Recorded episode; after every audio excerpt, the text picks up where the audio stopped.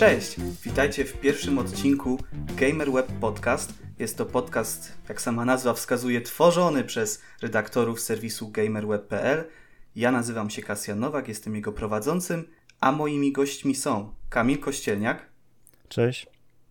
Robert Heustowski. Dzień dobry. I Tomasz Piotrowski. Cześć, cześć. Jako, że jest to pierwszy odcinek, my jesteśmy tutaj zwolennikami tego, żebyście oprócz tego, że nas słuchali, z chęcią, naprawdę wielką chęcią przyjmiemy każde rady, mm, wasze opinie. Będziemy na Discordzie, damy też oczywiście linki w opisie filmu. Także mam nadzieję, że e, nasz podcast, nasza praca spotka się e, z waszymi opiniami. Oczywiście mam nadzieję, że jak najbardziej pozytywnymi. Myślę sobie, że zaczęlibyśmy od wydarzeń mm, tego miesiąca. A przewrotnie zaczniemy od wydarzenia, które miało miejsce ostatniego dnia miesiąca, ale stycznia. Sony kupuje Bungie. Japońska firma zakupiła studio Bungie, czyli twórców serii Halo, a ostatnio e, serii Destiny za pokaźną kwotę 3,6 miliarda dolarów. To naprawdę ogromna suma i muszę Was zapytać, co o tym sądzicie? Czy uważacie, że Sony przepłaciło? Czy jest to bardzo dobry ruch? Kamil? Przede wszystkim ten e, zakup mnie zaskoczył, bo on jest troszeczkę nie w stylu Sony. E, po pierwsze, Sony zazwyczaj kupuje studia, które wcześniej robiły dla nich gry. Tutaj tego romansu między Sony a Bungie wcześniej za bardzo nie było widać, no bo Bungie jest e, studiem, są ojcami serii Halo, która jest taką flagową marką Microsoftu Później współpracowali z Activision Blizzard, które teraz należy do Microsoftu. No i ich gra najnowsza Destiny 2 jest dostępna e, w Game Passie. Więc nic by nie wskazywało, że nagle Sony e, kupi Bungie. No ale okazało się, że oni już tam troszeczkę e, o, tym, o tej transakcji już kilka miesięcy wcześniej zaczęli mówić, więc to nie jest jakiś taki spontaniczny zakup, który jest taką bezpośrednią odpowiedzią na to, że Dwa tygodnie wcześniej e, Microsoft wykupił e, Activision Blizzard. Ja jestem zaskoczony właśnie, bo to taki zakup nie w stylu Sony. No, wydali mnóstwo kasy, 3,6 miliarda oczywiście. Przy tym, ile Microsoft e, wydał na Activision, to to nie jest dużo, no bo tam padło 69 miliardów. Na takie Sony, no to rzeczywiście to jest kupa forsy. Bungie jest olbrzymią firmą. Oni zatrudniają ponad 500, chyba około 600 pracowników.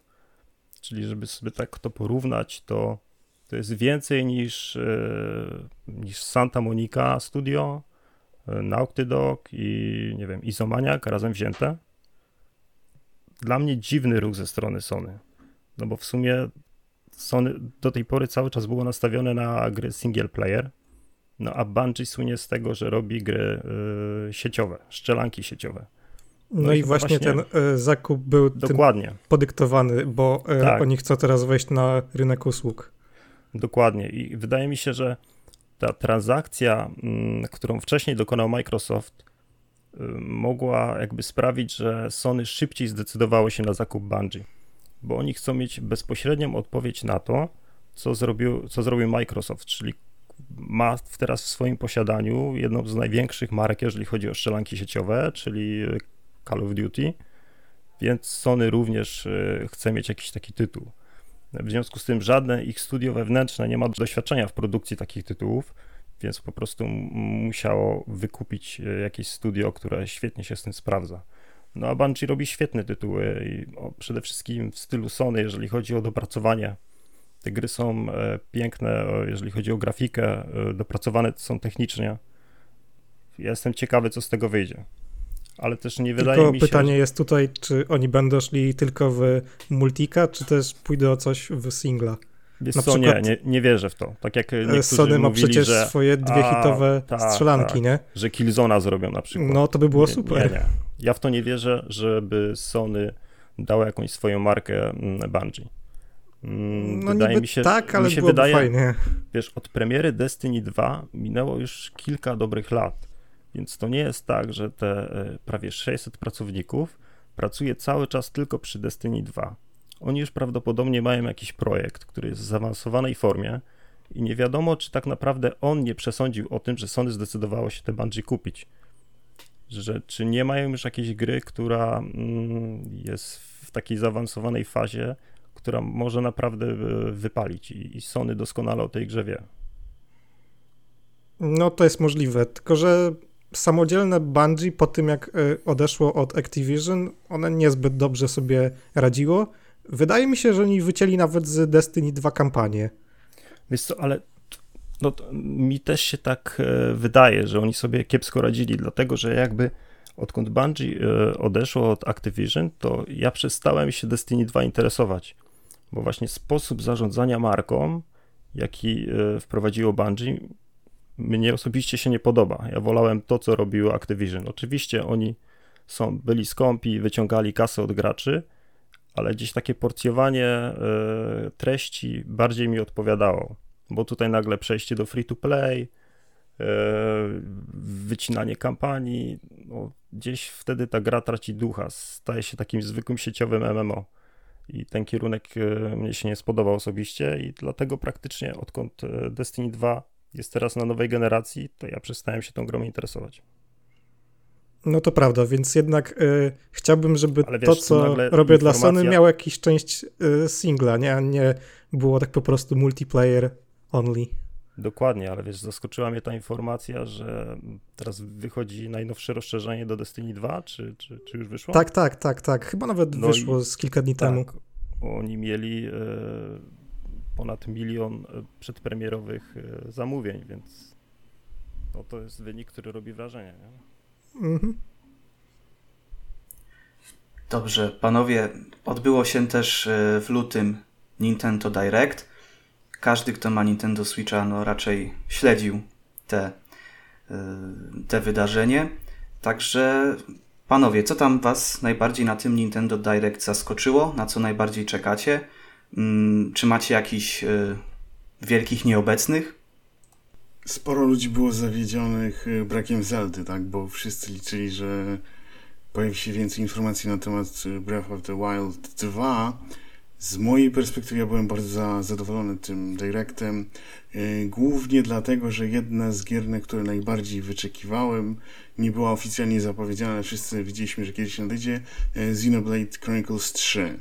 To jest e, cykl japońskich gier RPG, które właśnie się pojawiły na, na Switcha i odpowiada za niego Monolith, to jest takie, takie studio, które ma długą tradycję świetnych gier RPG.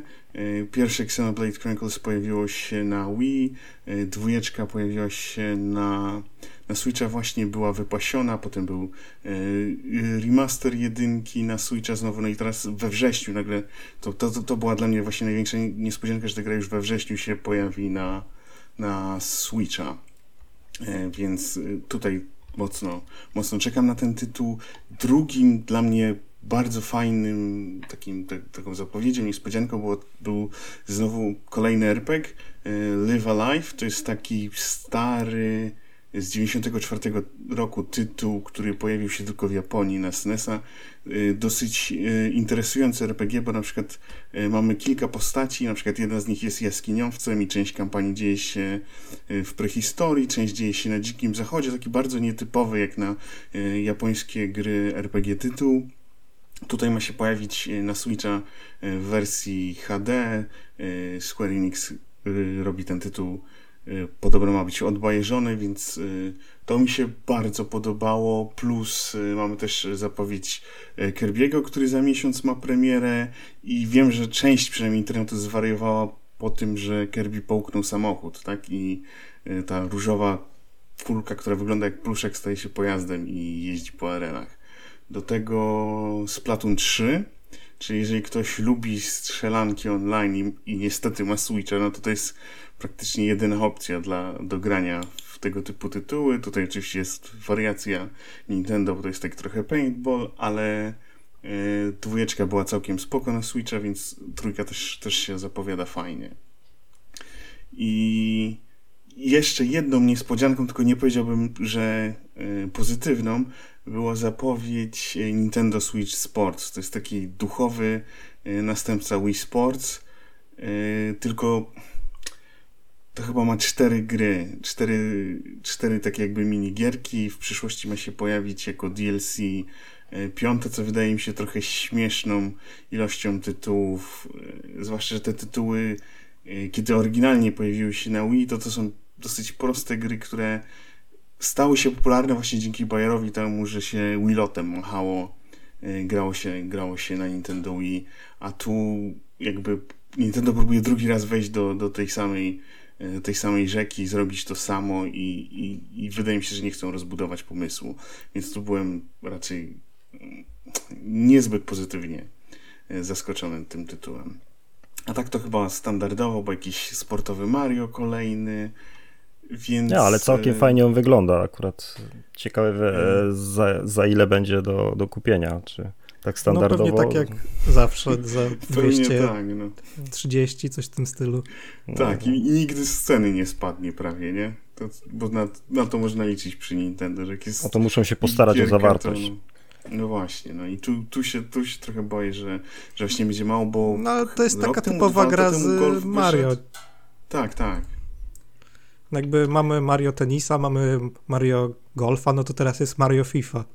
Bo to jest taka piłka nożna, co nie? Tak, tak, no. no. Tak, tak, no, tak. To, ona, to jest jakby sequel, bo to kiedyś, nie pamiętam czy to było na GameCube czy na Wii, ale już kiedyś próbowali robić piłkę nożną właśnie z Mario.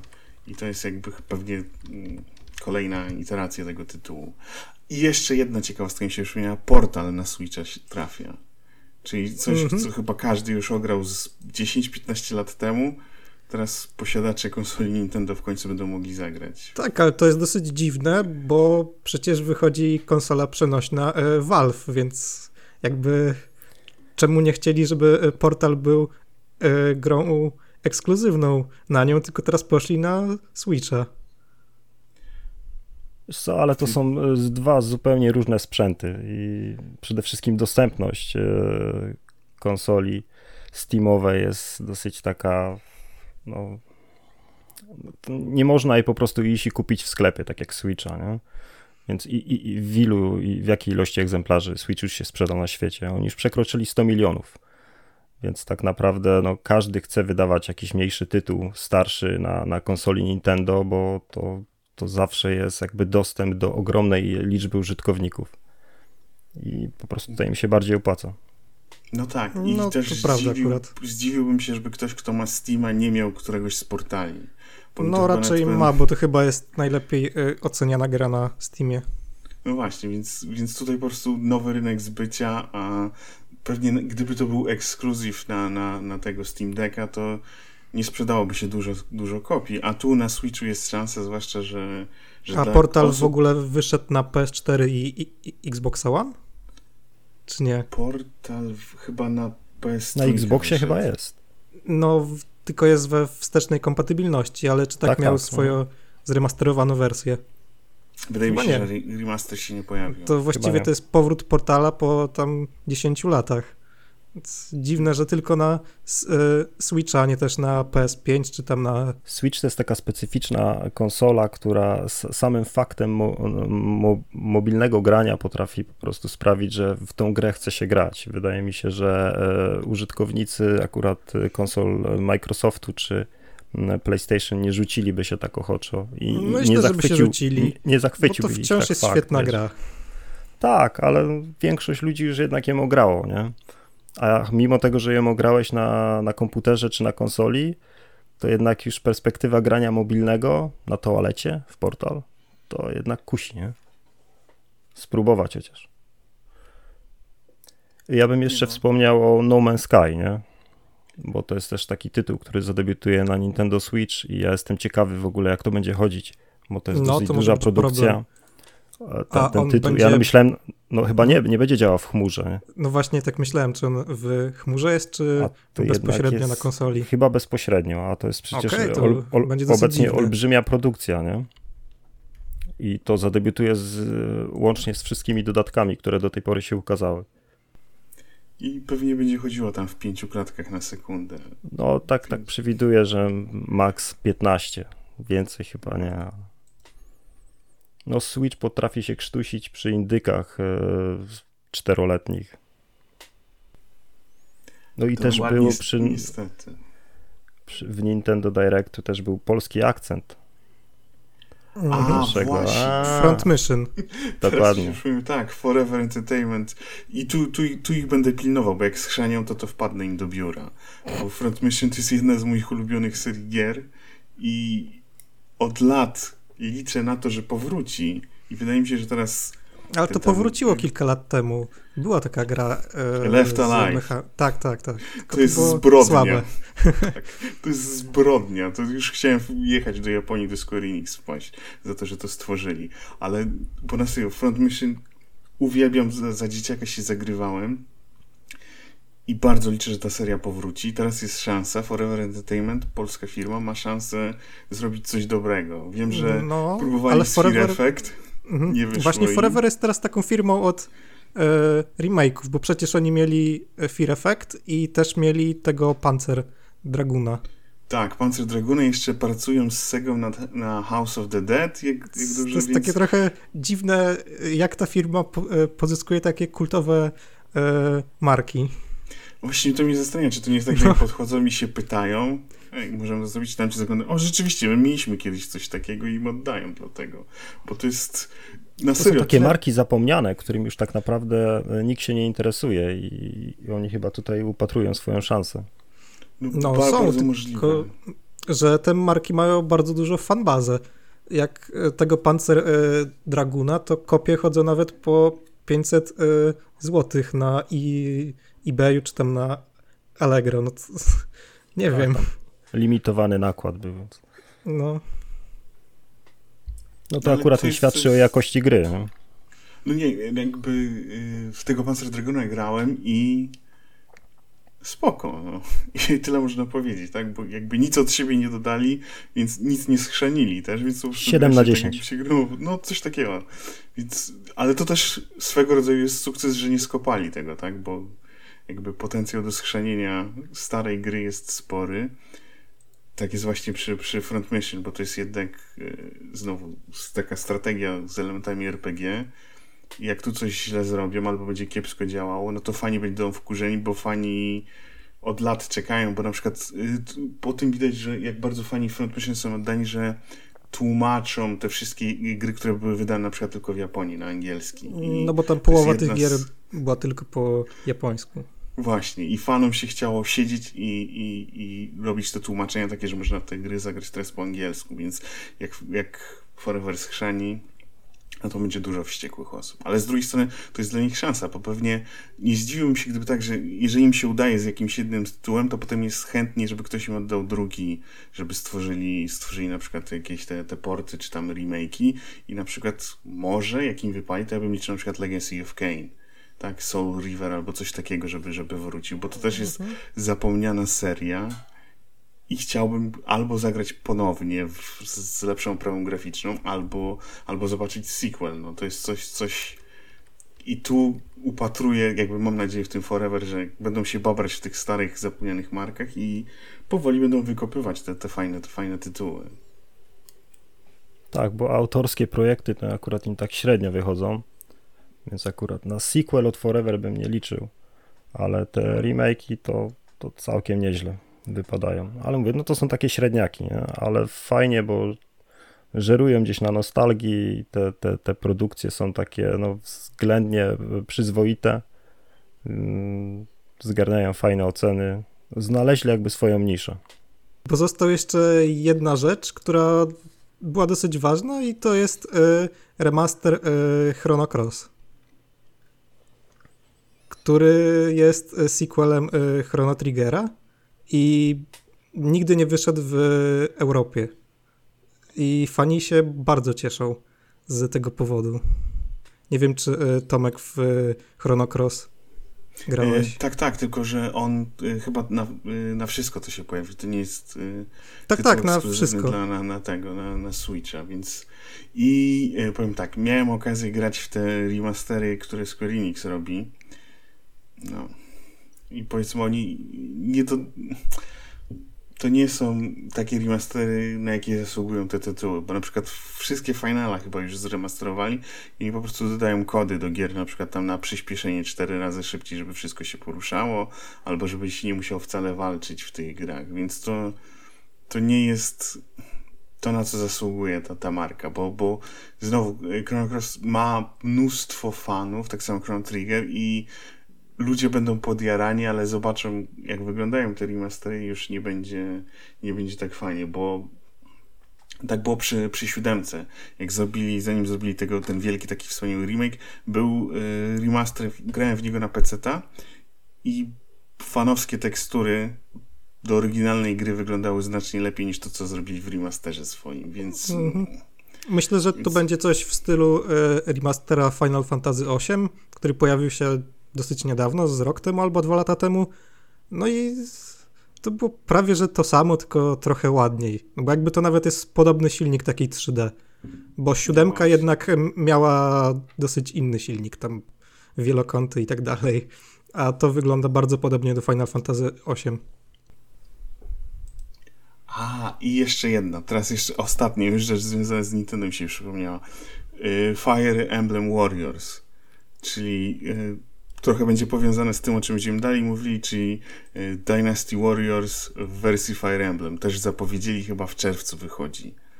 E, kolejna taka, taka siepanka, Koei Tecmo to robi e, dla Nintendo i znowu opinie ludzi tutaj były podzielone bardzo, bo to będzie Fire Emblem Warriors, które opiera się na postaciach z ostatniej części Fire Emblem Three Houses i ludzie, którzy są fanami Fire Emblem od lat, są wkurzeni, że znowu te postacie, które są kultowe, zostają pomijane na rzecz, e, na rzecz tego, że, że, że Nintendo chce szybko zarobić jakąś kasę. No, to możemy teraz przejść do tego polskiego e, tematu, którym, jak się nie mylę, chyba będzie Cyberpunk? Dokładnie. Długo wyczekiwany patch do gry, oznaczony numerem 1.5 E, patch ważył chyba z 60 GB. No i przede wszystkim e, z tego patcha powinni się ucieszyć fani obecnej generacji. Tak czy nie? No ja tak średnio się cieszę. Y, wiesz co, ja ogrywałem e, Cyberpunka mm, na premierę i to już wtedy na Xbox Series e, X była fajna, fajna gra i, i świetnie wyglądała. Jak oglądałem tą prezentację tego next-genowego patcha, to ja tak za bardzo nie widziałem różnicy. I chyba tak też nie ma, nie widzę sensu do tego, żebym do tej gry powrócił, bo tam wiadomo, oni tam usprawnili kilka rzeczy. No, sztuczną inteligencję poprawili, przechodnie na ulicy teraz się lepiej zachowują. Jak wyciągniesz e, pistolet, to, to uciekają, albo, albo czasami zdarza się tak, że zaczynają się bronić. To jest bardzo fajne. Lekko została poprawiona oprawa graficzna. Niby to wszystko działa bardziej płynnie, ale to nadal nie jest dla mnie jakieś takie wielkie next-genowe doznanie. Znaczy, ja nie lubię tego mm, wyboru, czy mam grać w 60 klatkach, czy mam grać w 4K jeżeli jakaś gra nadal oferuje mi wybór między jednym a drugim, to, to, to nie jest do końca ten next gen, jaki oczekiwałem. I zresztą podobny wybór był e, przy starszej wersji. Ona też kazała ci wybierać, czy chcesz grać w płynności w 60 klatkach, czy chcesz grać w 4K. Teraz dodano ray tracing, który, który jest taki, że praktycznie nikt go nie widzi, no, nie, nie czuję jakiegoś wielkiej potrzeby, żeby ponownie do tej gry wrócić. Może za rok, może za dwa, jak, jak będzie jakiś dodatek fabularny, to wtedy ponownie zainstaluję na dysku. O, obecnie nie widzę sensu. No chyba to jest ten problem Cyberpunka, że nie ma tego fabularnego dodatku, tego czegoś, tych kolejnych kilkunastu godzin, które mogłyby nas z powrotem mm, do tej gry wciągnąć. Powiedzcie mi, czy to już był ten e, szumnie e, zapowiadany Next Gen Patch? Tak, tak, właśnie o to chodzi. Tak, to już nie? ten? Że, że, to już jest ten, to już jest ten Next, next Gen Patch, nie? I tutaj e, analitycy z Eurogamera robili e, analizę tego i oni sami powiedzieli, no, że to, to nie za bardzo jest jeszcze ten next gen, jakiego oczekiwali. Nie?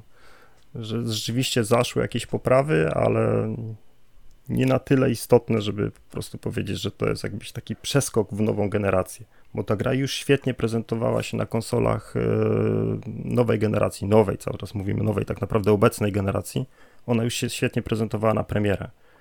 A teraz po prostu gdzieś tam zostało to usprawnione graficznie, no i dodano właśnie kilka takich ulepszeń, nie? jak właśnie sztuczna inteligencja tłumu, ale nadal jest mnóstwo bugów, nadal jeżeli chodzi o zachowanie aut. Chyba nawet no, w oficjalnej prezentacji. Pozostawia wiele do życzenia. Tak, tak, tak. Też no, mieli to właśnie z tego labę. Nie zmieni, no tego już się nie da naprawić. Znaczy ta gra jest zepsuta o, o, o, u podstaw. Po no tak. I raczej nie wrócisz do e, tej gry tylko po to, żeby zobaczyć, jak e, samochody sobie jeżdżą po ulicy i że e, AI jest lekko lepsze. No, no sorry. No, dlatego wiesz, mnie trochę zaskoczył ten wielki boom na Twitterze, że nagle wszyscy pokazują, że instalujemy Cyberpunka. Kurde, jakby, no właśnie, jak, to jest bardzo ja dziwne. Się, ja... się mhm. poczułem, jakby ta gra miała ponownie premierę, jakby, nie wiem, jakiś właśnie był nowy dodatek się ukazał. Szok. No, Dodatek się ukazał i to są mieszkania. No, ale no. Bo to taki no. dodatek fabularny bardziej, e, to miałem na myśli. No, takie no tak, rzeczywiście tak. jakieś. No właśnie myślałem, że ten e, Next Gen Patch to wyjdzie później, ale już tak z taką większą e, szumem, w sensie będzie jakiś dodatek pokroju serc z kamienia i jakby CD Projekt by mógł zrobić nawet drugą premierę tak, od premiera dodatku 1.5 tej aktualizacji no, pokazuje, że tak naprawdę graczom niewiele potrzeba, żeby ich uszczęśliwić. No tak, to jest bardzo dużo marketingu i nic poza tym, według mnie. I co tam, panie Kasjanie, jeszcze nowego było w tym lutym? Dobrze. E, panowie, e, obecnie trwa Steam Next Festival. Jest to, można tak Nudy, to nazwać. Boże, człowieku. No jak nudy? To jest, proszę pana, święto DEM, święto niezależnych twórców. Dzięki temu festiwalowi mogliśmy na przykład ogrywać demo polskiego, swojskiego torbacza, Kangur Kakao. Robert, ty jesteś tutaj chyba największym fanem Kangur Kakao. No myślę, że tak. Więc oddaję ci głos. Nie no super, fajnie. Nie wiem, czy coś, wie, czy coś więcej można do tego dodać, bo to jest właściwie taka Kangurek KO2, tylko z inną grafiką, ale mechanicznie jest bardzo podobnie, więc myślę, że fani będą zadowoleni. Ja jestem zadowolony i czekam na pełną wersję. Dokładnie, to nie jest nic odkrywczego, prawda? No nie, to nie, nie, jest... nie, Ale myślę, że właśnie tego ludzie chcieli, jak e, te dwa lata temu chyba była ta cała e, akcja Bring e, KO Back, no to początkowo to było tylko po to, żeby Kangurek KO2 e, wrócił na Steam, no ale przerodziło się to w kolejną część, więc tylko być zadowolonym z tego powodu. No i w tym demie akurat też za dużo nie mogliśmy aż tak dużo zobaczyć, co nie? Bo jednak na zwiastunie znacznie więcej było tam dynamiki, tu gdzieś Kao uciekał, tam gdzieś, mhm. gdzieś się ślizgał, a tutaj powiedzmy był taki typowy segment platformowy, no i oczywiście no, ta, ta, ta walka. pierwszy level. Tak, tak, tak. A czy, Prowadzenie i tyle. W sumie nie wiemy, czy pierwszy do końca, ale. No nie, możliwe, nie, że pierwszy. nawet tam były takie lekkie elementy tutorialowe. Na przykład jak się wchodziło do wody, żeby gracz zobaczył, żeby, że się szyja wydłuża KO. Jestem ciekawy, jak długa to będzie gra, na ile godzin. Czy tak pykniemy to w 5 godzin, czy, czy, czy troszeczkę więcej no, będzie rozgrywki? to demko było na pół godziny, a to jest tak. jeden level z gry, więc myślę, że potrwa tak z 10 godzin, bo no, no poprzednie części KO dało się przejść. Mhm. Poprzednie części KO dało się przejść w 4 godziny, jakoś tak. Ale tutaj myślę, że jednak ten czas zostanie wydłużony, zwłaszcza, że dzisiaj gracze wolą mieć dłuższe gry. Ktoś z Was jeszcze ogrywał jakieś dema, które teraz są dostępne? Niestety nie, ale mam kilka w planach. Między innymi Mac Pixel 3 jest jeszcze kolejna polska gra, czyli Blacktail. I może coś ty y, jeszcze dodasz? Kolejna polska gra od Cool to Play, czyli Uragan. Mm, taki, myślę, przyjemny top-down shooter, który gdzieś tam pod koniec marca ma swoją premierę w Early Accessie. no tak to trzeba nazwać. Yy, I chyba się poważnie zastanawiam, bo dawno nie grałem w jakiegoś dobrego mm, top-down shootera. Jedynie jaki mam problem z tym, że mm, po prostu pod koniec marca jest parę gier, które mnie jeszcze bardziej interesują, jak Wild West czy nowy, nowy Król Artur. Tam jest jeszcze chyba strategia z e, Starship Troopers, bo ona chyba nie ma przełożonej premiery. Mm, także to jest jedyny problem, jaki mam z Uraganem, ale naprawdę e, przyjemna taka E, taki przyjemny top-down shooter, w którym po prostu wskakujemy do kolejnych aren, no i e, gdzieś tam mamy mnóstwo wrogów do ubicia i idziemy dalej. Nic więcej nie potrzebuję tak naprawdę. E, no, oczywiście, wiadomo, tam dołożone będą jakieś bronie, jakiś tam chyba system też może będzie ulepszeń, także to myślę, że może się spodobać. Takim objawieniem tego festiwalu, oprócz Kangur Kakao, Mm, którego w sumie ogrywałem jeszcze przed, przed festiwalem, jest Turbo Overkill, który mm, jest naprawdę bardzo szybkim takim akcyjniakiem, shooterem, e, w którym gracz oprócz tego, że dzierży e, w lewej ręce broń, w prawej ręce broń, to jeszcze w nodze ma piłę łańcuchową i e, bardzo byłem zdziwiony, ale pozytywnie. W momencie, w którym Mm, wchodziłem na arenę, która równie dobrze mogłaby się znaleźć w najnowszym Tony Hawku mm, i mogłem się ślizgać i po prostu odpalić piłę łańcuchową, którą mam w nodze. Także ciekawie, ale oczywiście tych dem jest 600 i no, nie starczyłoby nawet e, tego tygodnia, który jest e, na ogranie tych wszystkich dem, to nawet w tydzień byśmy tego nie mogli ograć. Także to są te moje 3-4 gry, bo ograłem jeszcze Mac Pixela 3 i absolutnie jestem oczarowany. Sos Sosowski, no, wie jak zrobić naprawdę absurdalnie y, fantastyczną grę. I co prawda tylko kilka poziomów z tych 100 mogliśmy ograć, ale Mac Pixel absolutnie biorę go na premierę. to są moje dema. Nie wiem, czy, czy Tomek, ty masz coś do dodania? Jeszcze nie, może w weekend y, to przejrzę jak jakąś listę demek, bo liczę, że jakieś e, ciekawe FPP gierki będą, bo ostatnio jest całkiem sporo tytułów właśnie tych tak zwanych boomer shooterów.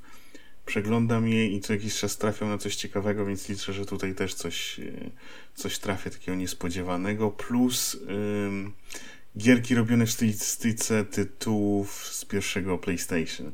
Tego też wypatruję, bo, bo, bo ostatnio tego znowu też na Steamie się pojawia trochę i liczę właśnie, że coś wytropię, co będę potem w przyszłości śledził, śledził dalej, ale jeszcze nic, nic konkretnego nie miałem, nie miałem tak naprawdę okazji y, dobrze sprawdzić. Jedyne w co chwilę pograłem y, to jest y, Warhammer 40 tysięcy E, Shotas Blood Thief, czy coś takiego. I to jest taka dwuwymiarowa strzelanka prosta, bardzo prosta, tam 15 minut to demko zajęło, ale tytuł nie jest niczym, niczym specjalnym, więc też jakoś niespecjalnie bym go komukolwiek polecał, przynajmniej na ten moment, bo to proste strzelanie, biegniesz w prawo i, i tyle, więc to na razie nie jest nic ciekawego, nic, nic specjalnie wciągającego. Bardziej liczę właśnie na to, na to, co oferuje właśnie ten Steam Next Fest, że się po tych 600 tytułów trafi się na coś, o czym się nigdy wcześniej nie słyszało i, i się człowiek zauroczy tym. Więc ja, ja jeszcze czekam, aż będę miał tą chwilę wolną, żeby powoli przeglądać jakieś tam tagi i znaleźć coś, co mnie zainteresuje. Dokładnie, bo ja w sumie też grałem w tego Warhammera, teraz mi przypomniałeś bo trochę tych dem postarałem się jeszcze tam odpalić. Niektóre jeszcze czekają, ale mm, no, ten Warhammer nie zachwycił, a jestem o tyle mm, zdziwiony właśnie negatywnie, bo jest to gra twórców Guns, Gore and Cannoli, e, właśnie naprawdę e, fajnego e, shootera 2D, e, więc no, dokładnie ten Warhammer był taki mocno średni. Jest jeszcze jeden e, polski akcent i to jest e, Builders of e, Egypt. Kojarzycie, czy nie? Tak, to jest od Playwaya? Chyba od tak, Playwaya. od Playwaya. Bo oni ogólnie to chyba robią Builders of Egypt, ale jeszcze Kilka tam pewnie... jest tych y, tak. buildersów. Tylko to jest dosyć ciekawe, bo jest również demon nowego faraona. Jakby sobie można porównać, y, co jest y, lepsze, czy buildersi, czy faraon. Więc polecam ci to zobaczyć, y, zwłaszcza, że ty kiedyś tam miałeś tego Nabuchodonozera, czy jak to się to nazywało? Nabuchodonozor, angielskiej angielskiego tytułu ci nie przytoczę, niestety. Ale tak, y, no niestety to był taki wannabe faraon, ale mm, dosyć średni, chociaż go spaczowali, ale już nie miałem czasu, żeby sprawdzić, y, co po tych łatkach, y, czy po tych łatkach jest po prostu lepiej. Mm, stan na premierę był no, taki przeciętny, bym powiedział. Słuchajcie, mam jeszcze dwa newsy. Pierwszy, bardzo ważny. Uncharted. Premiera filmu. Kto tam jest reżyserem? Fleischer chyba, nie? Jak, jak to... To jest ten od Zombieland i Venoma. Yy, tak, Zgadza tak, się? Tak. No, no, czy no to w sumie chyba nie ma jakiegoś wielkiego zaskoczenia. No. To jest taki typowy akcyjniak. Takie filmy zazwyczaj są tak oceniane, więc no, nie spodziewałbym się tutaj, że, że nagle recenzenci będą zachwyceni. No Dobór obsady to... aktorskiej mhm. też jest taki przeciętny, więc to, znaczy nie, nie, ja, ja się nie spodziewałem jakiegoś wielkiego hitu, szczerze mówiąc, i, ale widzę, że nie, niektóre osoby wychodzą zadowolone z kina i tutaj słyszałem też, y, czytałem pozytywne opinie na, na Twitterze, że jeżeli chcesz tak, wiesz, no taki typowy popcorniak, spędzić trochę fajnie czas, no to, no to można się wybrać do kina i obejrzeć. Nie, nie jest to jakieś dno totalne, no ale też to nie jest ambitne kino, nie? to jest takie zwykłe, zwykłe kino akcji. No. Po prostu no nie, nie myślisz, tylko oglądasz. zauważyć, że to trochę cud, że ten film w ogóle wyszedł, o, bo on tak. powstał od dobrych kilku lat i nie, koncepcje to chyba 10 lat. się mhm. bardzo zmieniały. Ten aktor, który gra teraz Saliego, niestety nie pamiętam nazwiska. E, e Mark Wahlberg. No to mhm. początkowo on miał grać Natana Drake'a. Tak. Ja jeszcze pamiętam, e, jak przymierzano się, albo ogólnie e, chyba fani chcieli, żeby Natana Drake'a zagrał. Mm, on grał w czystu główną rolę. Mm. Co mi wyleciało Butler? z głowy. Tak, tak, tak, Butler. Więc e, on by świetnie pasował, no ale właśnie tak 10 lat temu. Teraz Wiem, że niestety... fani to e, chcą, żeby grał e, Nathan Fillion. A tak, bo był ten taki krótki, chyba tam. Był i on był o, bardzo tak, fajny tak, film. Fajny, to fajny, super tak. film. Z mojej perspektywy był lepszy od tego kinowego tak, filmu. To tak, to taka wersja amatorska była, nie? Tak, tak, bo filmowy obejrzałem, nic z niego nie pamiętam po obejrzeniu. Jedyne, co mi yy, zostało w głowie, to że właśnie Mark Wahlberg, który gra Saliego, kompletnie nie, pasu, nie pasował do roli, po prostu był sobą nawet nie próbował udawać, że kogoś gra. On chyba tak w każdym filmie prawie robi. Dokładnie. I no, Peter Parker to, chyba też tak nie On właśnie tak? nie, ma, nie ma dla mnie charyzmy. Znaczy Tom mhm. Holland tak, zawsze gra roli. tak samo. Też dla mnie on gra tak, jakby zawsze starał się udawać dorosłego. Więc tak to jest nastolatek udający dorosłego i tak e, czas płynie, to, a on cały czas jest taki fajne. sam. Po prostu ale tutaj tak nie wiem, czy to pasuje do tej postaci. Mhm. No nie ma tej, nie ma tej charyzmy Natana Drake'a. To jest taka... Uwielbiam tą serię. Może czwarta część tak średnio mi, mi podeszła. No nie za bardzo. No, jak dowiedziałem się, że Tom Holland zagra główną rolę, to jakoś nie, nie skakałem z radości. Totalnie mi, ta, totalnie mi ten aktor nie pasował do tej roli. No i tutaj jest też dziwne to, że poniekąd to ma być prequel do e, gier, a pojawiają się y, sceny, które tak, były tak. w grach. Motywy chociażby z Uncharted 3, nie? Tak, no. dokładnie, z trzeciej części. Ale wiesz, no, Ale...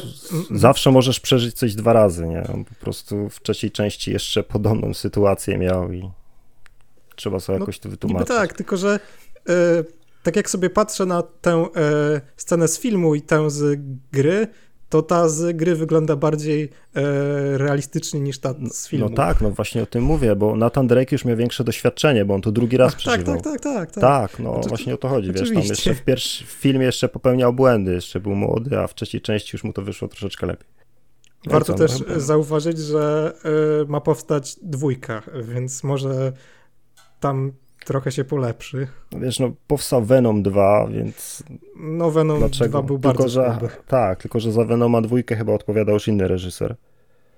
No ale Mhm. jeżeli chodzi o... Za Venoma o... s- 2 odpowiadał, e, znowu zapomniałem nazwiska, ten co grał Goluma. Andy Serkis? Serkis, tak. Tak, no ale temu reżyserowi akurat jeżeli chodzi o sequele, to ta, też tak kiepsko mu wychodzi, bo akurat Zombieland y, uważam, że jest y, bardzo fajnym filmem i bardzo dobrze go wspominam, a o, o tyle no, druga część to po prostu była totalna padaka. Więc jeżeli chodzi o... No ale zobaczymy. No. Może dobry scenariusz będzie.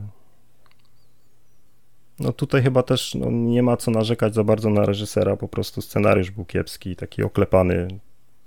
Podobnie zresztą było mm, z tą nową Larą Croft. Akurat tej e, nowej Lary nie widziałem, tylko te z Angeliną. Wydaje mi się, że to jest właśnie taka podobna liga, jeżeli chodzi o w ogóle sam sposób stworzenia filmu na podstawie e, gry komputerowej. Mhm. No bo właściwie większość filmów na podstawie gier taka jest.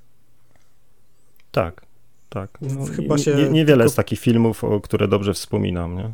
Prince of Persia może się wyróżniał, ale to tyle. Tak, tak, tak. Y, Ja dobrze wspominam Duma na przykład, nie? Ale ja wiem, że to jest film klasy B, ale w gruncie rzeczy całkiem nieźle mi się to oglądało i jak jeszcze czasami gdzieś tam na, na pulsie leci po 23, to odpalam, nie? I mogę obejrzeć. Ten, ten z The Rockiem, nie? Tak, tak, tak, no, no, no. Bo też ostatnio chyba rok temu, dwa lata temu nowy, nowy wypuścili, no tak, wyszedł ale nowy dom, ale tak. go nie widziałem. który No, jest tak tragiczny, że... wiesz co? Ja nie wiem, czy on w ogóle się ukazał na Blu-rayu, oni chyba go wydali tylko na DVD i od... No, bo bo, on, to on był nawet nie, on nawet nie był w to kinie. Coś tam. No, Tak, tak. On miał trafić do kin, ale później się okazało, że z taką kiszką, że, że nawet nie warto w ogóle go puszczać. No, więc no, to, to pokazuje na, na jakim poziomie są filmy e, na podstawie gier, także... No ale teraz ma postaci jeszcze kilka, no bo Amazon kręci Fallouta, e, przymierzają się do Disco Elysium i do Life is Strange, więc może, może coś się z, e, odwróci ten trend. Wiesz co, z tych trzech tytułów akurat Life is Strange chyba może im wyjść. Disco jest- myślę, że też może wyjść, to jakby taki tradycyjny Ko- cop e, movie, tylko że bardziej pijani są wszyscy. Tak, tylko że to, co teraz zaprezentowali przy okazji e, Władcy Pierścieni, to No to prawda, to prawda. więc wiesz, w Life is Strange ten przekaz będzie naturalny, bo ta sama gra miała w sobie przekaz. Jak oni jeszcze do Fallouta będą próbowali wrzucić go na siłę, no to znowu wyjdzie jakaś no, dziwna konstrukcja. A no tak, Fallouta łatwo też e, jakby schrzanić, bo ktoś powie, że tam supermutanci są rasistowscy albo gule, czy coś Dokładnie, takiego no. i będzie afera. To rzeczywiście, to... A w przypadku Disco Elysium, no trudno mi cokolwiek powiedzieć, bo nie grałem w grę, więc no, słyszałem same dobre opinie, ale no, jest to ponoć świetna produkcja, więc no też szkoda by było, żeby to zepsuli. No ale zawsze lepiej Amazon niż Netflix, nie? Dobrze, panowie, myślę, że możemy przejść do ostatniego newsa, jaki dla Was przygotowałem. E, Square Enix opublikował raport finansowy za pierwsze trzy kwartały roku podatkowego minionego. I słuchajcie, sprzedaż, mm, można powiedzieć, hitu, mm, jakim niewątpliwie był, moim zdaniem przynajmniej, Marvel's Guardians of the Galaxy, no, zawiodła wydawcę. Kamil, ty chyba grałeś w Guardians of the Galaxy, prawda? Tak, tak. I to jest taki tytuł, w który praktycznie od pierwszego zwiastuna chciałem zagrać, bo akurat poczucie humoru y, mi odpowiada. Ja nie jestem jakimś wielkim miłośnikiem y, uniwersum Marvela, y, zwłaszcza tego filmowego, ale tutaj gdzieś no, Strażnicy Galaktyki mają, mają to coś, takie taką młodzieżową infantylność. Oni są na moim poziomie. I gdzieś mi to po prostu fajnie podchodzi. I ta, ta gra jest świetnie zrealizowana. Bardzo, bardzo ładnie też wygląda. Jeżeli chodzi o graficznie, no to jest pierwsza, pierwsza liga zdecydowanie. No ale trudno mi powiedzieć, e, co poszło nie tak. Na pewno premiera poprzedniego tytułu, który zadebiutował w 2020 roku, czyli dokładnie rok wcześniej, yy, czyli Avengersi, no to była klapa, tak? Więc no, wielu graczy pewnie też pomyślało, że jeżeli Square wydaje no, rok później kolejną grę w uniwersum Marvela, no to, no to też no, lepiej się nie napalać i nie rzucać się od razu na premierę. Nie? I ja wiem, że oni teraz akurat y, się odbijają i ta sprzedaż się polepsza e, Strażników Galaktyki, więc tak to właśnie mniej więcej może wyglądać, że gracze po prostu dość sceptycznie podchodzili do, do, do tematu i, i bali się zaryzykować kupić grę na premierę. No a o samej grze mogę powiedzieć no, wiele dobrego, ja akurat się świetnie bawiłem. Fajnie się gra w gry, które, które są dosyć długie, a jednocześnie nie są osadzone mm, w otwartym świecie bo to jest taka gierka na, na, na prawie na 30 godzin, więc jak na, na single player gdzieś taki typowo liniowy, no to, no to naprawdę jest e, niezły wynik.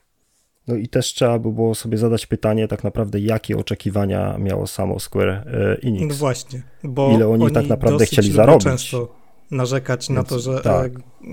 gra zawodzi. Bodajże przy Tomb Raiderze pierwszym albo drugim było to samo, a gra się sprzedała bardzo dobrze. A też ich ten tytuł oni... zawiódł. Nie kojarzę ich gry, gdzie by nie powiedzieli, że zawiodło ich oczekiwania ostatnio. Tak może ten Final 7 remaster. E, tak Final Deł... 14 tak no przewyższył, tak, się... że musieli zamknąć serwery. No tak, tak, ale to dopiero też po tym, jak się odbił, tak? Bo no tak, tak, za tak, pierwszy tak, raz był tak schrzeniony, że zrezygnowali z niego, był taką porażką. Ale tak samo pamiętam, Deus Ex też e, ten ostatni Mankind No, tylko, że on akurat się dosyć e, średnio sprzedał z winy z Square Enix bo były machlojki z DLC. A, tak, i z preorderem chyba też była Tak, to była jakaś taka akcja preorderowa, dosyć taka crowdfundingowa, że zależnie ile było preorderów, to takie DLC było coś, coś, coś, coś, coś w tym stylu. Więc, no, nie zdziwię tak. się, że oni sobie sami kłody pod nogi podkładają, o, dokładnie. narzekają, że im się gry są. No to prawda. No. Tak samo w tamtym roku y, narzekali na premierę takiego JRPG, który jest dosyć niszowy, ale w ogóle go nie promowali na zachodzie. To był ten tytuł, co był w Tokio yy, i był sequelem yy, gry z DS-a. Tylko teraz mi wleciał tytuł z głowy. Może pamiętasz? Yy, kopnę się w nazwie, ale to jest chyba Neo The World Ends With You. Tak, tak, tak, tak, tak. Dokładnie ten.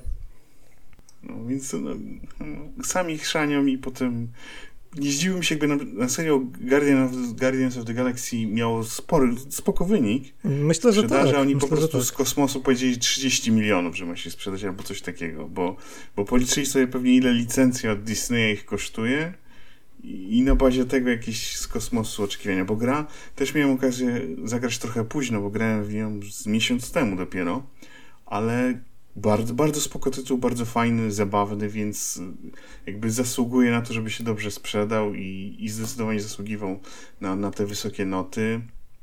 I Square zamiast myśleć o tym, że nie jest zadowolony z wyników sprzedaży, powinno myśleć, jak wykorzystać potencjał tego tytułu, tak?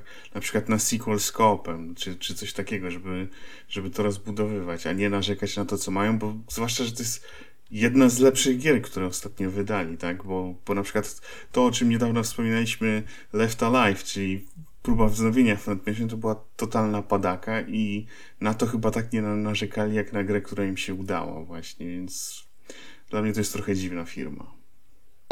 Drodzy słuchacze, jeśli dotrwaliście z nami do tego momentu, to jest nam bardzo miło i chcielibyśmy Wam to wynagrodzić.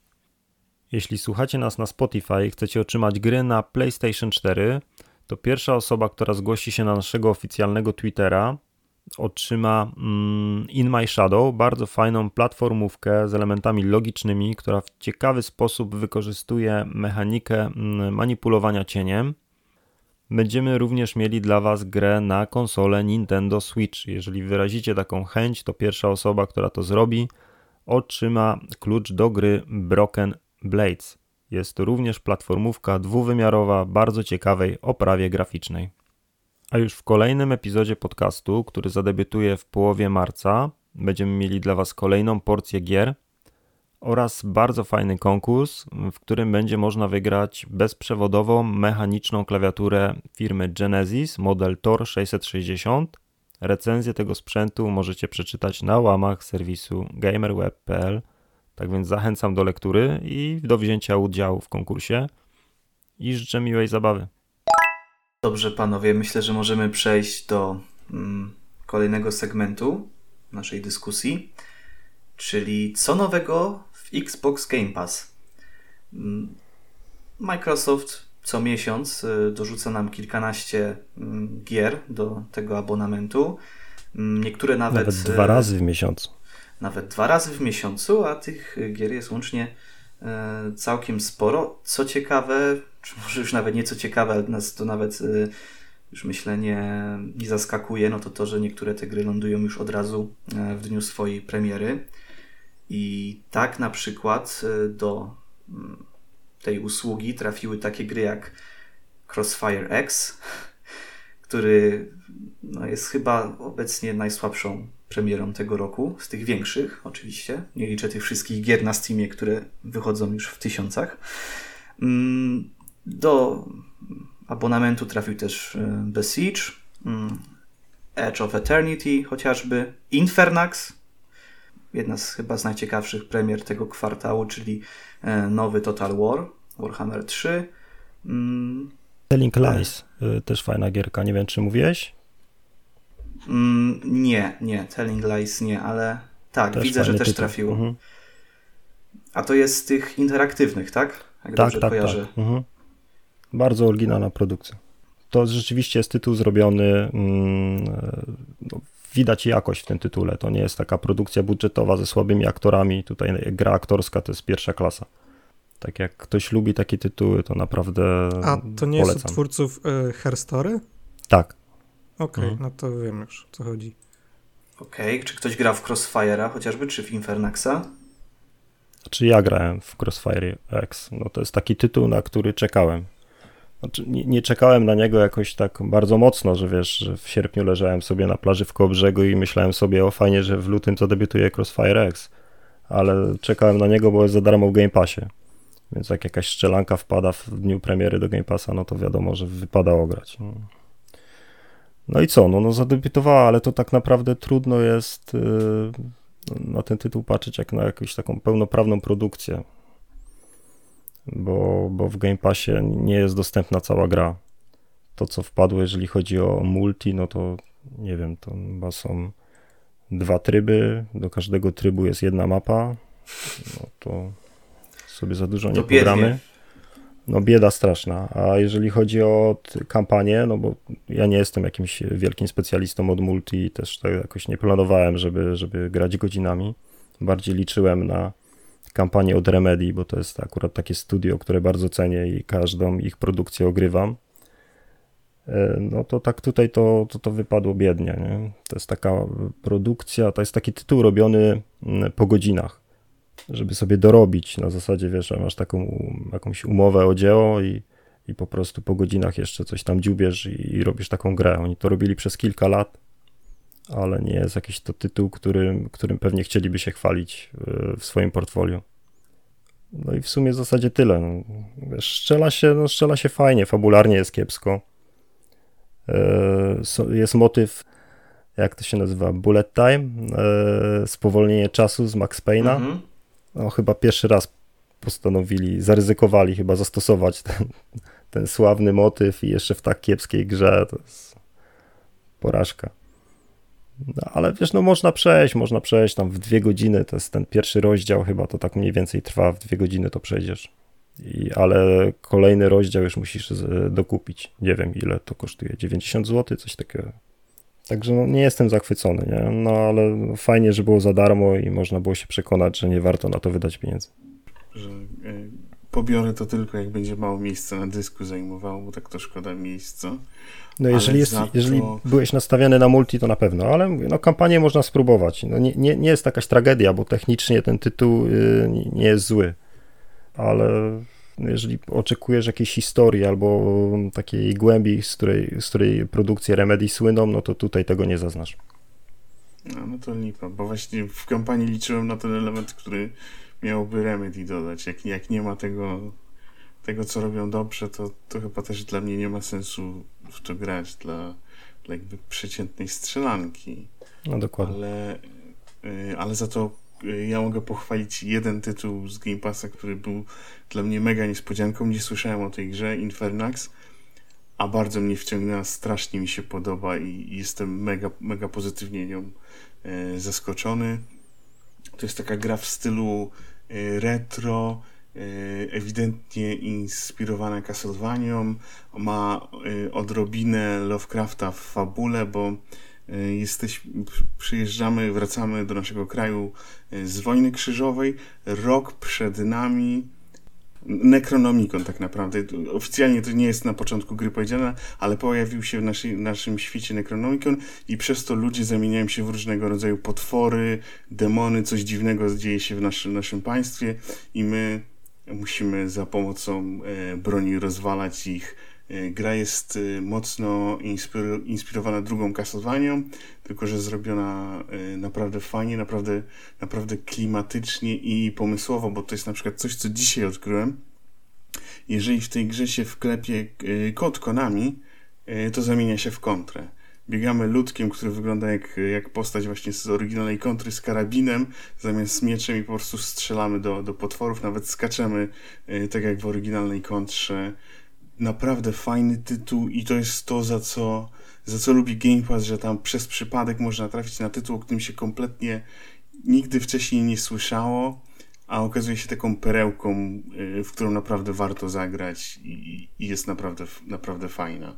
Więc dlatego też od razu y, polecam wszystkim, że nawet jak pośród tych większych premier trafić coś małego, warto sprawdzić, zwłaszcza teraz, że jest ta opcja w, chmurze grania, bo ja właśnie ten tytuł odpaliłem w chmurze na chwilę, żeby zobaczyć, czy to będzie ciekawe.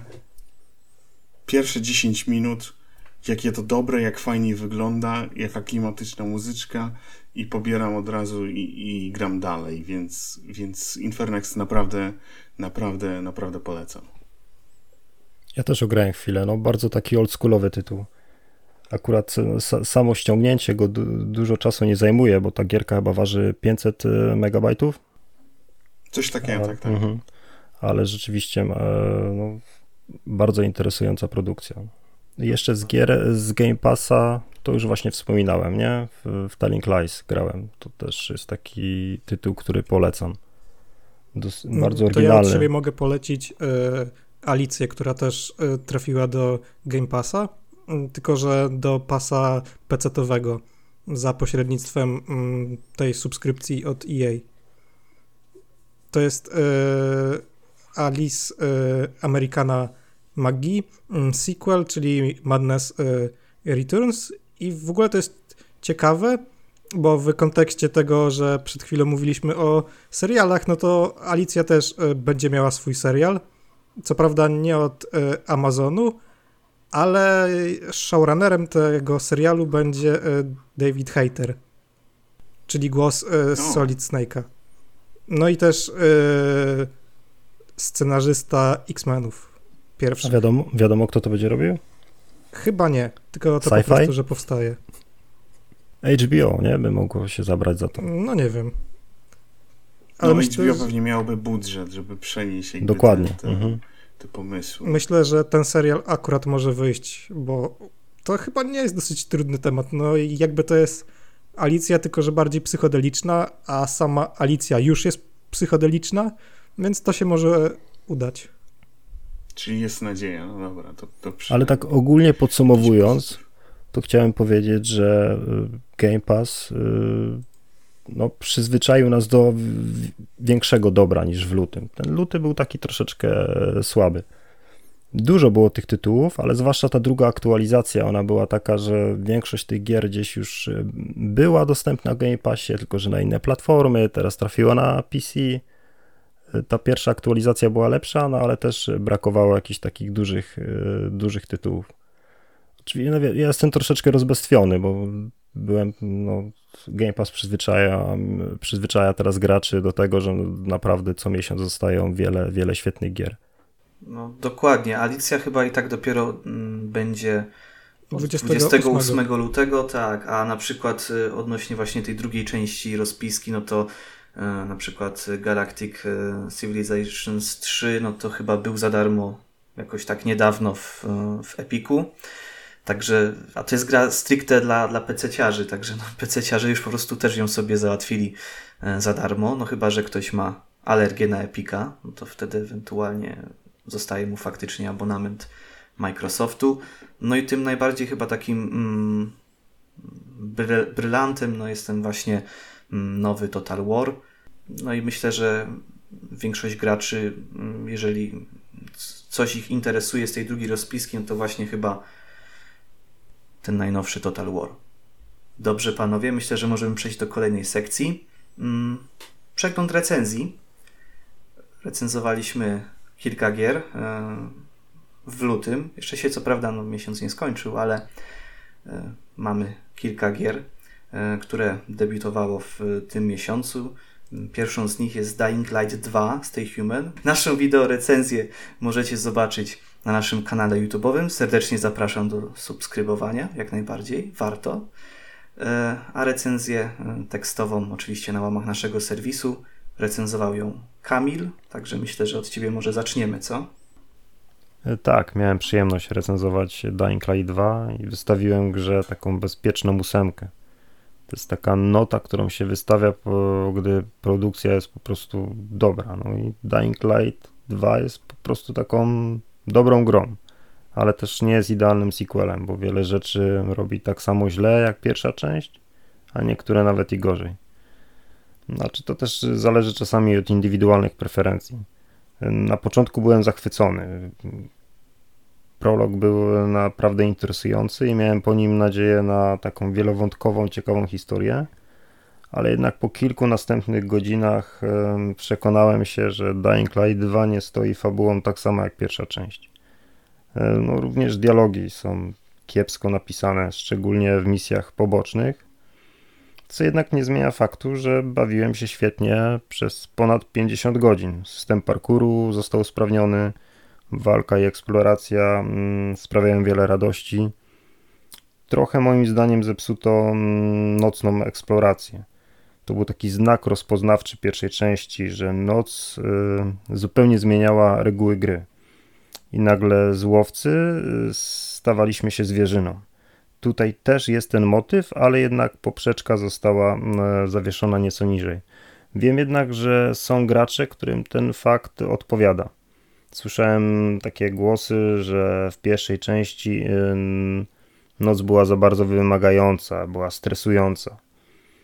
Tutaj też jest niebezpiecznie, można również zginąć, ale jednak uciecz, ucieczka jest y, dużo łatwiejsza. No i nie ma takiego paskudnego, wielkiego skurwysyna, nie? którego nie można zabić. No, nocą jest y, również wiele fajnych aktywności do zrobienia. Podczas y, eksploracji w świetle księżyca można zdobywać ciekawe łupy czy inhibitory wzmacniające naszą y, wytrzymałość i zdrowie. Są one często poukrywane w, te, w placówkach badawczych, które za dnia są niedostępne ponieważ przebywają w nich e, zombie, które dopiero w nocy wyruszają na łowy. E, tak więc e, możemy wtedy skorzystać z ich nieobecności. Macie może w ogóle jakieś pytania dotyczące Dying Light 2? Jak tak patrzyłem, no to właśnie ta noc jest dosyć dziwna, bo tam dodano ten timer, że trzeba lecieć do światła UV. Tak, Tego tak, nie było tak, w tak, jedynce, to jest nie? nowy motyw. Mhm. I on to, to nie, do, to, nie dotyczy, to nie dotyczy tylko to nie dotyczy tylko nocy. Również w budynkach okay. czasami jak jest ciemno, to zdarzają się takie momenty, że musisz szybko lecieć do światła UV, bo, bo masz ograniczony czas, nie? Ale wiadomo, są jakieś takie medykamenty, które możesz sobie przyjąć i one jakby wydłużają te twoje, twoją wytrzymałość, nie? Na funkcjonowanie w takich warunkach, a nie innych. Tego nie no było. tak, tylko że mhm. mhm. w jedynce noc była trudna, no bo było dużo potworów, były te bestie, tak. E, które których nie dało się zabić. Mm, byli tacy A... przeciwnicy, których nie mogłeś mhm. pokonać, po no prostu tak. mogłeś tylko zwiać. Tutaj takich przeciwników tak naprawdę nie ma. One gdzieś są dodane w fabule, ale... W dwójce nocy jest y, trudna, bo trzeba szukać y, światła. No, jakby to jest, nie wiem. Wiesz, ale jak już grasz troszeczkę dłużej, tak, mhm. zdecydowanie. Jak już grasz to też troszeczkę dłużej, to gdzieś tych mm, punktów y, z oświetleniem UV w mieście masz porozstawianych bardzo dużo. One są na każdym kroku, więc później tak naprawdę jest jakby coraz łatwiej. A tak poza tym, no wiesz, no fajnie, przyjemnie się sieka zombie jest taki fan jak e, w pierwszej e, części. Ja troszeczkę ubolewam na tym, że zrezygnowano e, z broni palnej. Ona jest dostępna, ale jako taki dodatek, ciekawostka. Dwuszczałowiec taki, że możesz sobie tam naładować broń i masz dwa strzały, nie? ale nie jest taka broń, którą możesz zdobywać. Tutaj postawiono na strzelanie z łuków, z kuszy. Jest dużo eliminacji po cichu, dlatego że no, też jest walczysz z ludźmi bardzo często. Yy, jakieś zdobywasz ich bazy, więc troszeczkę zmienił się styl gry. Ale jednak Ale jak tak patrzyłem... No, strzelanie szczelbą w pierwszej części w zombie no, dawało mi sporo frajdy. Tutaj niestety tego nie ma. Jak tak patrzyłem, to ta walka wręcz chyba też jest dosyć yy, zubożona, bo pamiętam, że w jedynce dało się odcinać właściwie wszy wszystkie kończyny, a tu na materiałach tego nie widziałem. Czy to jest, czy tego nie ma? Wiesz co, jest.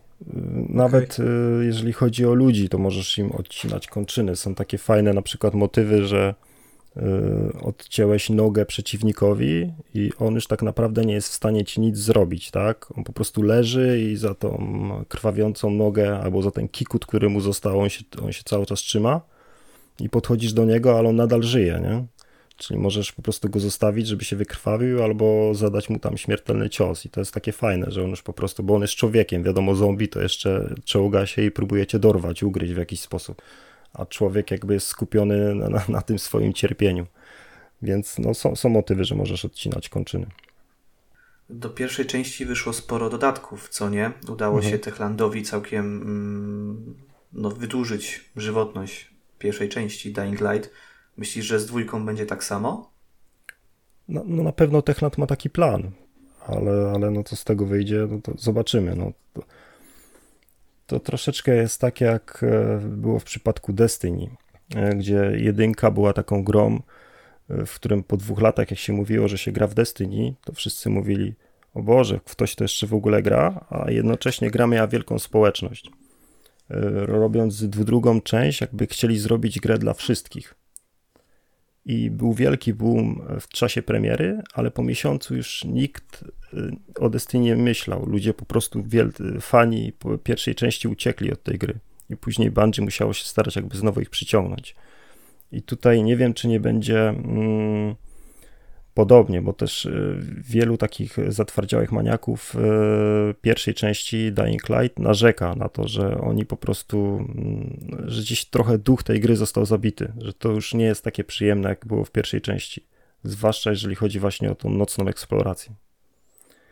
Też trudno mi powiedzieć, jak ta gra wygląda obecnie w kampanii, jak, jak przyjemnie się gra w, nie w kampanii, przepraszam, w kooperacji, nie? Bo to też trzeba na to zwrócić uwagę, że tutaj można grać z towarzyszem e, w Dying Light. No poza tym, no jest to chyba udany sequel, no. Wyniki sprzedaży są świetne, czyli na pewno tutaj producent i wydawca jest zadowolony. Gra wygląda ładnie, nie jakoś nie, nie rewelacyjnie nie porywa, ale no, no jest na czym zawiesić oko. Technicznie też nie ma tragedii, zdarzają się jakieś bugi, błędy, ale nie jest to poziom cyberpunka w dniu premiery. Więc no, no, dla mnie to jest taka solidna produkcja, ale jedynka podobała mi się bardziej. Dlatego w sumie mam e, nadzieję, że Techland e, zrobi sobie przerwę od zombiaków i wróci do dzikiego zachodu. O Też tak. mam taką mhm. nadzieję. Albo zrobić coś zupełnie nowego po co wracać, można stworzyć coś, no, coś nie, nowego. Jeszcze, no. jeszcze mieli swoją kosmiczną serię, tak. taką, podró taką podróbkę Halo. Mhm. Chrome? Chrome, tak, tak. tak, tak. O, tak. tak, tak. Ale ile to lat temu było, Boże? No z 20 już prawie. Mhm. No, tylko że Chrome e, też tam była e, dubanina przy dwójce, ale ostatecznie ten projekt wstrzymano, no ale można powiedzieć, że skasowano, no bo wątpię, że ktoś jeszcze o Chromie myśli. Tak samo też e, Techland próbował stworzyć, mm, ciężko powiedzieć, no to był taki w miarę, nazwijmy to nowatorski projekt Warhound. E, tam mieliśmy chyba grać najemnikami, coś takiego. Nie wiem, czy ktoś w ogóle kojarzy, ale były, pamiętam, przymiarki do takiego tytułu, to gdzieś w latach 2007-2008. Wtedy też właśnie Chrome 2 em, no był w produkcji, ale koniec końców się nie ukazał. Warhound też się nie ukazał i dostaliśmy wtedy Dead Island i dostaliśmy Więzy Krwi, Call of Juarez Więzy Krwi. To mniej więcej te lata, jak mnie tak moja pamięć nie myli. No bo mm, Chrome wyszedł w 2003, a później dodatek w 2005. Mm, no to, no to gdzieś w tych latach Techland Techla- próbował coś Techland stworzyć, ale nie udało no. się. Przede wszystkim Techland powinien spróbować zatrudnić w końcu jakiegoś dobrego scenarzystę, który by potrafił napisać e, dobrą historię i dobre dialogi. No przede wszystkim zatrudnić i jeszcze, żeby włodarze e, firmy się potrafili z nim dogadać. No jak dobrze wiemy, tutaj proces produkcji ym, Dying Light 2 był dosyć trudny. Ta gra na pewno przeszła wiele zmian w ciągu tych siedmiu lat, kiedy, kiedy była produkowana. Znaczy, no nie wiem, czy ona była produkowana 7 lat, ale ona miała chyba już premierę mieć w 2019 roku. To już była zaplanowana na chyba końcówkę 2019 roku. Tak była przekładana kilka razy, kilka razy i tak naprawdę nie wiadomo, jaką wersję gry otrzymaliśmy na premierę. Jak ona fabularnie, ta gra miała wyglądać na samym początku, trudno powiedzieć. Nie wygląda to dobrze teraz. Zresztą pierwsza część też jakoś nie powalała fabularnie, więc Ja myślę, że y, oni robią to trochę y, specjalnie, bo te gry z zombie mają y, słabą fabułę, ale gdy porównać do Call of Juarez, no to Call of Juarez miało dosyć fajną historię. A to chyba są ci sami scenarzyści. Więc jeśli tam y, potrafili, no to tutaj co, też ale to po- była mniej powinni. rozbudowana gra. To po prostu tutaj jednak e, musisz tworzyć, jakby chcieli stworzyć jakąś wielowątkową historię, więc gdzieś napisanie takiej większej gry na kilkadziesiąt godzin jest, jest trudniejsze niż takiej gierki, którą tam możesz przejść w 6 godzin, taką strzelankę. Teraz są troszeczkę inne czasy i rzeczywiście musisz e, tą historię zrobić taką bardziej rozbudowaną. No Też zwłaszcza, jest, że no, jest więcej dialogów Mhm. przede wszystkim, ile masz, to jest otwarty świat, nie? Masz mnóstwo takich postaci, mm, z które gdzieś tam spotykasz y, podczas eksploracji, mnóstwo misji pobocznych, no i one są bardzo źle napisane. Ktoś może mówić, że to jest takie kiczowate specjalnie, ale ja tego, ja tego nie czuję, bo tak naprawdę historia jest dosyć poważna, więc w- wplec, wplecenie w to takiego kiczu jakoś jest nienaturalne po prostu. Zwłaszcza, że w połowie produkcji y, odszedł im Chris Avalon, więc musieli pewnie wszystko przepisywać. Tak, i on w ogóle to, pod tym tytułem stworzył. się nie podpisuje. Tak, to Więc prawda. On, on, on zresztą jest y, wycięty y, z, Mhm. z napisów końcowych i on sam mówi, że to nie jest jego historia, że to nie jest jego scenariusz. Bo jeśli się nie mylę, to za czasów Chrisa ten y, Dying Light miał być takim średniowieczem trochę, y, a chyba z tego projektu nie za dużo zostało i to jest po prostu dalej gra o zombie. Tak. Dobrze, myślę, że możemy przejść do kolejnej gry. To jest ten moment, w którym Kamil i Robert idą spać, a my z. Tomkiem możemy sobie podyskutować na temat Dynasty Warriors 9 Empires. Tomku, oddaję Ci głos. Oj. Więc tak. Zacznę od tego, że y, Dynasty Warriors i ogólnie mu- musą gry kocham i gram dosłownie w każdy tytuł od Playka 2. Y, Dynasty Warriors 9 zwykłe nienawidzę. Ta gra mi złamała serce bo to jedna z moich ukochanych serii została tak zniszczona, że no do dzisiaj mi się robi smutno, jak o tym myślę.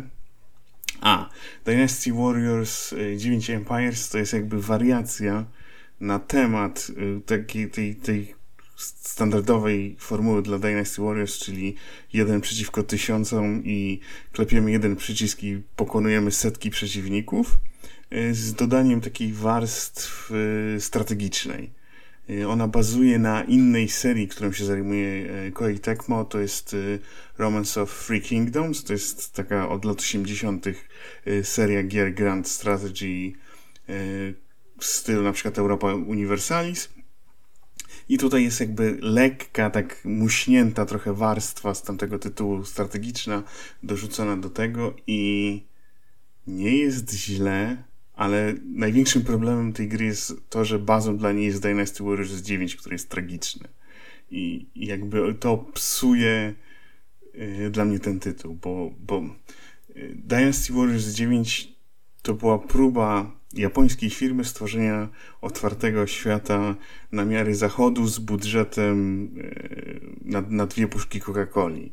To była tragiczna gra kopiuj w klej, puste mapy, gdzie 20 minut się jechało do bitwy i nic po drodze nie było i po prostu traciliśmy czas.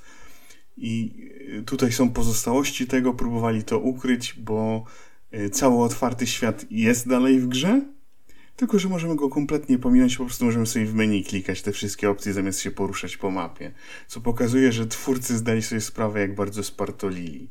Dlatego system walki, który był w poprzednich tytułach prosty, yy, ale ciekawy, tutaj próbowali go przekombinować, ale za to każdą postacią gra się tak naprawdę tak samo, nie jest ciekawe.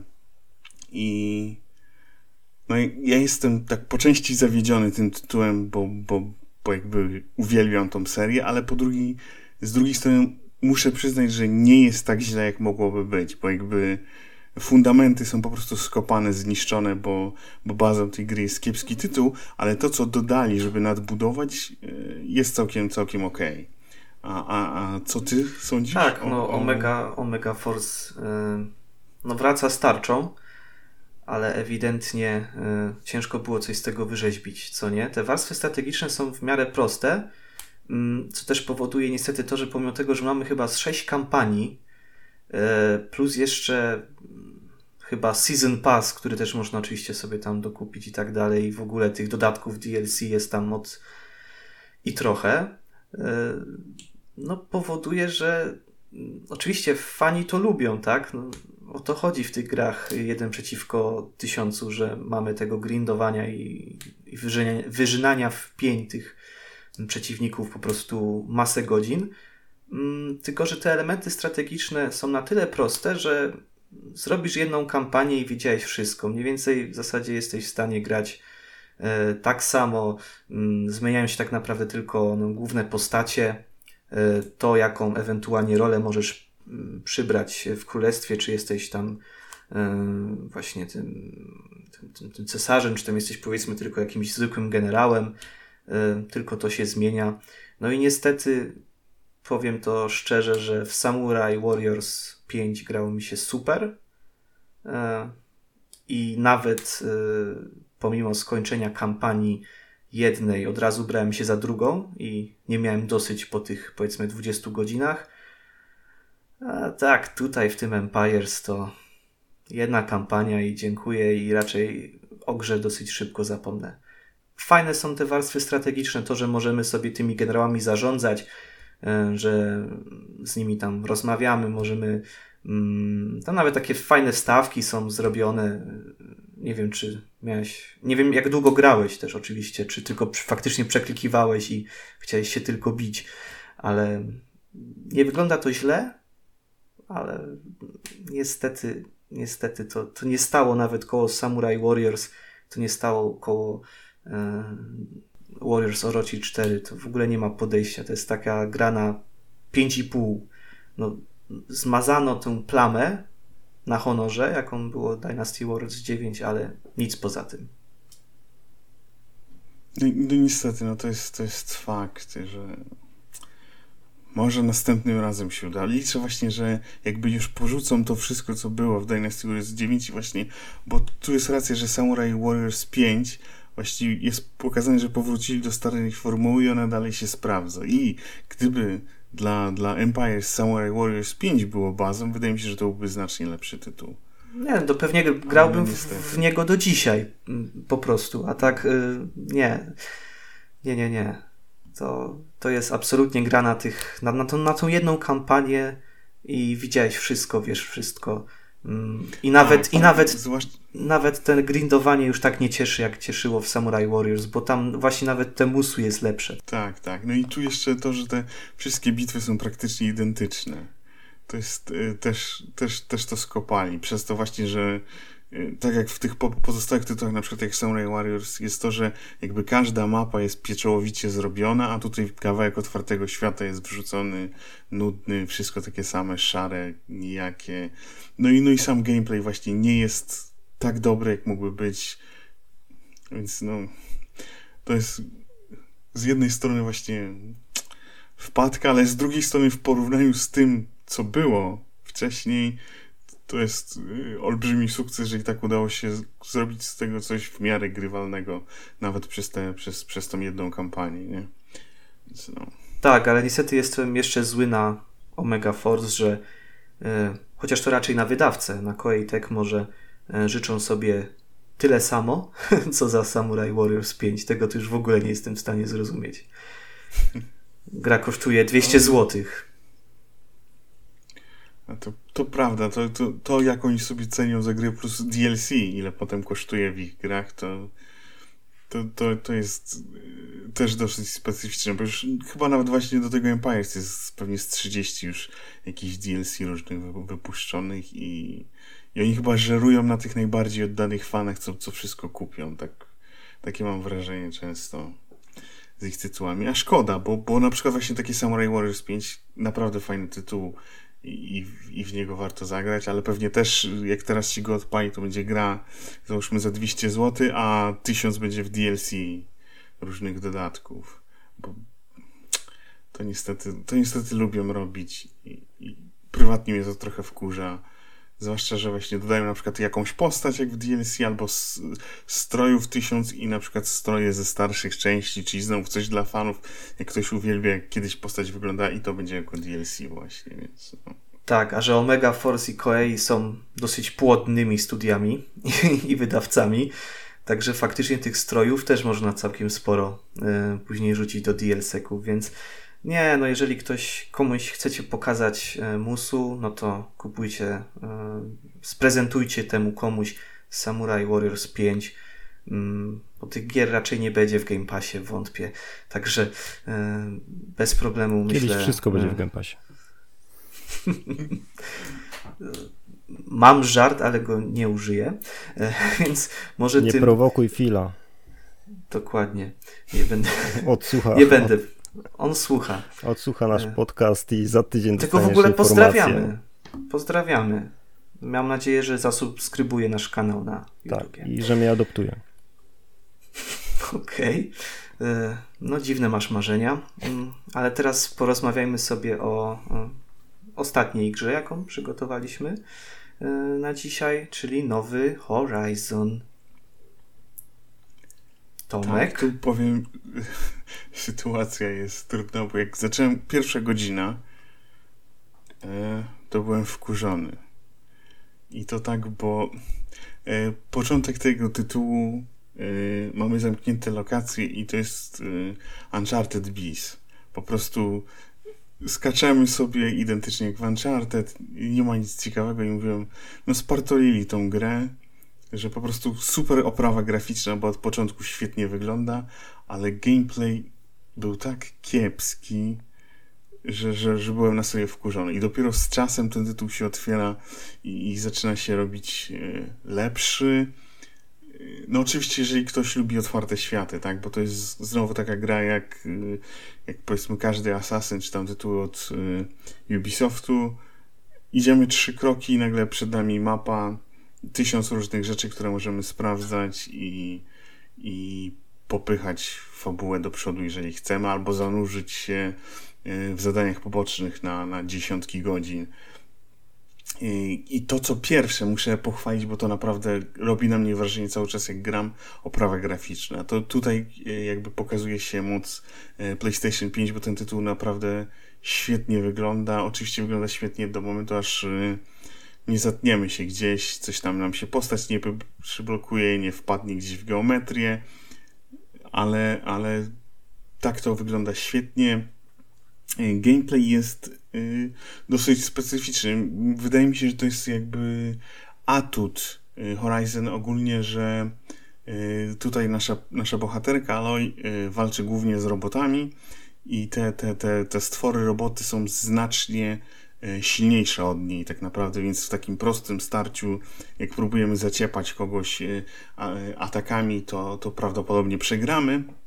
I tutaj trzeba korzystać trochę, trochę ze strategii, bo, bo e, korzystając z łuku, korzystając z pułapek, jakby możemy osłabiać no, te, te roboty, niszczyć ich fragmenty, odstrzeliwać bronie, z których nas mogą atakować. I wydaje mi się, że to jest właśnie najciekawszy element, tak naprawdę z mojej perspektywy tego tytułu, e, to podejście do walki, które jest inne od większości gier z otwartym światem, bo tam zazwyczaj czujemy się bossem, a tutaj jest to, że, że bawimy się trochę w podchody, w skradanie i też nawet rozmiar tych przeciwników robi na nas wrażenie. Więc to jest, to jest naprawdę fajne. Reszta tej gry to jest bardzo dużo jakby tych e, charakterystycznych schematów otwartego świata, pełno znajdziek, zadania poboczne, tam ubij y, tyle potworów, przynieś to, nawet to, co, co mi się na przykład kojarzy bardzo z, z Far Cry'em, czyli upoluj jakieś tam 10 y, y, tam świń, żeby zwiększyć sobie portfel, żeby, żeby nosić więcej kasy. I to tutaj mamy to samo, ale właśnie przez to, że że sama ta zabawa, takie skradanie się, e, podchody, zastawienie pułapek jest naprawdę solidna, przeciwnicy są różnorodni i, i to tworzy też e, świetne sytuacje, bo na przykład polowałem na jakiegoś stwora właśnie, żeby, żeby wykorzystać jego elementy do do ulepszenia jednego z łuków i nagle z góry podlatuje na mnie latający robot, pff, ogniem zieje i ginę od razu. E, muszę, muszę powtarzać sytuację i, i wtedy nagle zacząłem się rozglądać, lepiej planować i to, to w tym tytule naprawdę fajnie wychodzi, więc to jest jedna z tych gier, które są dla mnie pozytywnym zaskoczeniem, bo naprawdę pierwsza godzina to byłem Mówię, jeżeli ja będę musiał w, ten, w taki tytuł grać przez 10, 15 czy tam 20 godzin, będę wkurzony i, i nie kapowałem, dlaczego tak wysokie noty wszyscy dawali temu tytułowi. Pierwszego godzina myślałem tytuł na 6 maksymalnie, a dalej się rozkręca i teraz tak myślę y, między 8 a 9 y, ma sens dla niego, bo jeżeli, jeżeli gra się taktycznie i, i chce się w coś takiego grać w, w, taki sposób, to ta gra naprawdę nam dużo, dużo, dużo oferuje. Więc y, tutaj jest pozytyw. Jedna rzecz, y, z którą się waham i raczej jest negatywna, to fabuła. Bo fabuła jest z jednej strony strasznie głupia, a z drugiej bardzo przewidywalna. I, i to jest jakby aż w pewnych momentach przerażające, że spotykając jakąś postać, możemy od razu powiedzieć, co się z nią dalej stanie w grze. I, jest to po prostu tak oczywiste, a twórcy starają się zrobić z tego coś, co niby ma nas zaskoczyć albo być ciekawe i tak dalej. I, i tutaj, tutaj niestety nie jestem w stanie tego przeboleć. Siedzę, oglądam te, te różne scenki przerywnikowe i myślę sobie, niech to się skończy, bo to jest takie, takie oczywiste, co, co zaraz ma być twistem i tak dalej. Więc ten element mi nie pasuje, chociaż z drugiej strony słyszałem, że ta gra ma wielu fanów z powodu fabuły, bo y, ja mogę się do niej przyczepiać głównie przez to, że tutaj jest genialny pomysł, tak? Ziemia y, po, po zniszczeniu mamy prymitywne plemiona, które wierzą na przykład, że jakieś tam szczątki, zegarki i różne bajery, które dla nas są czymś oczywistym, są jakimiś magicznymi artefaktami,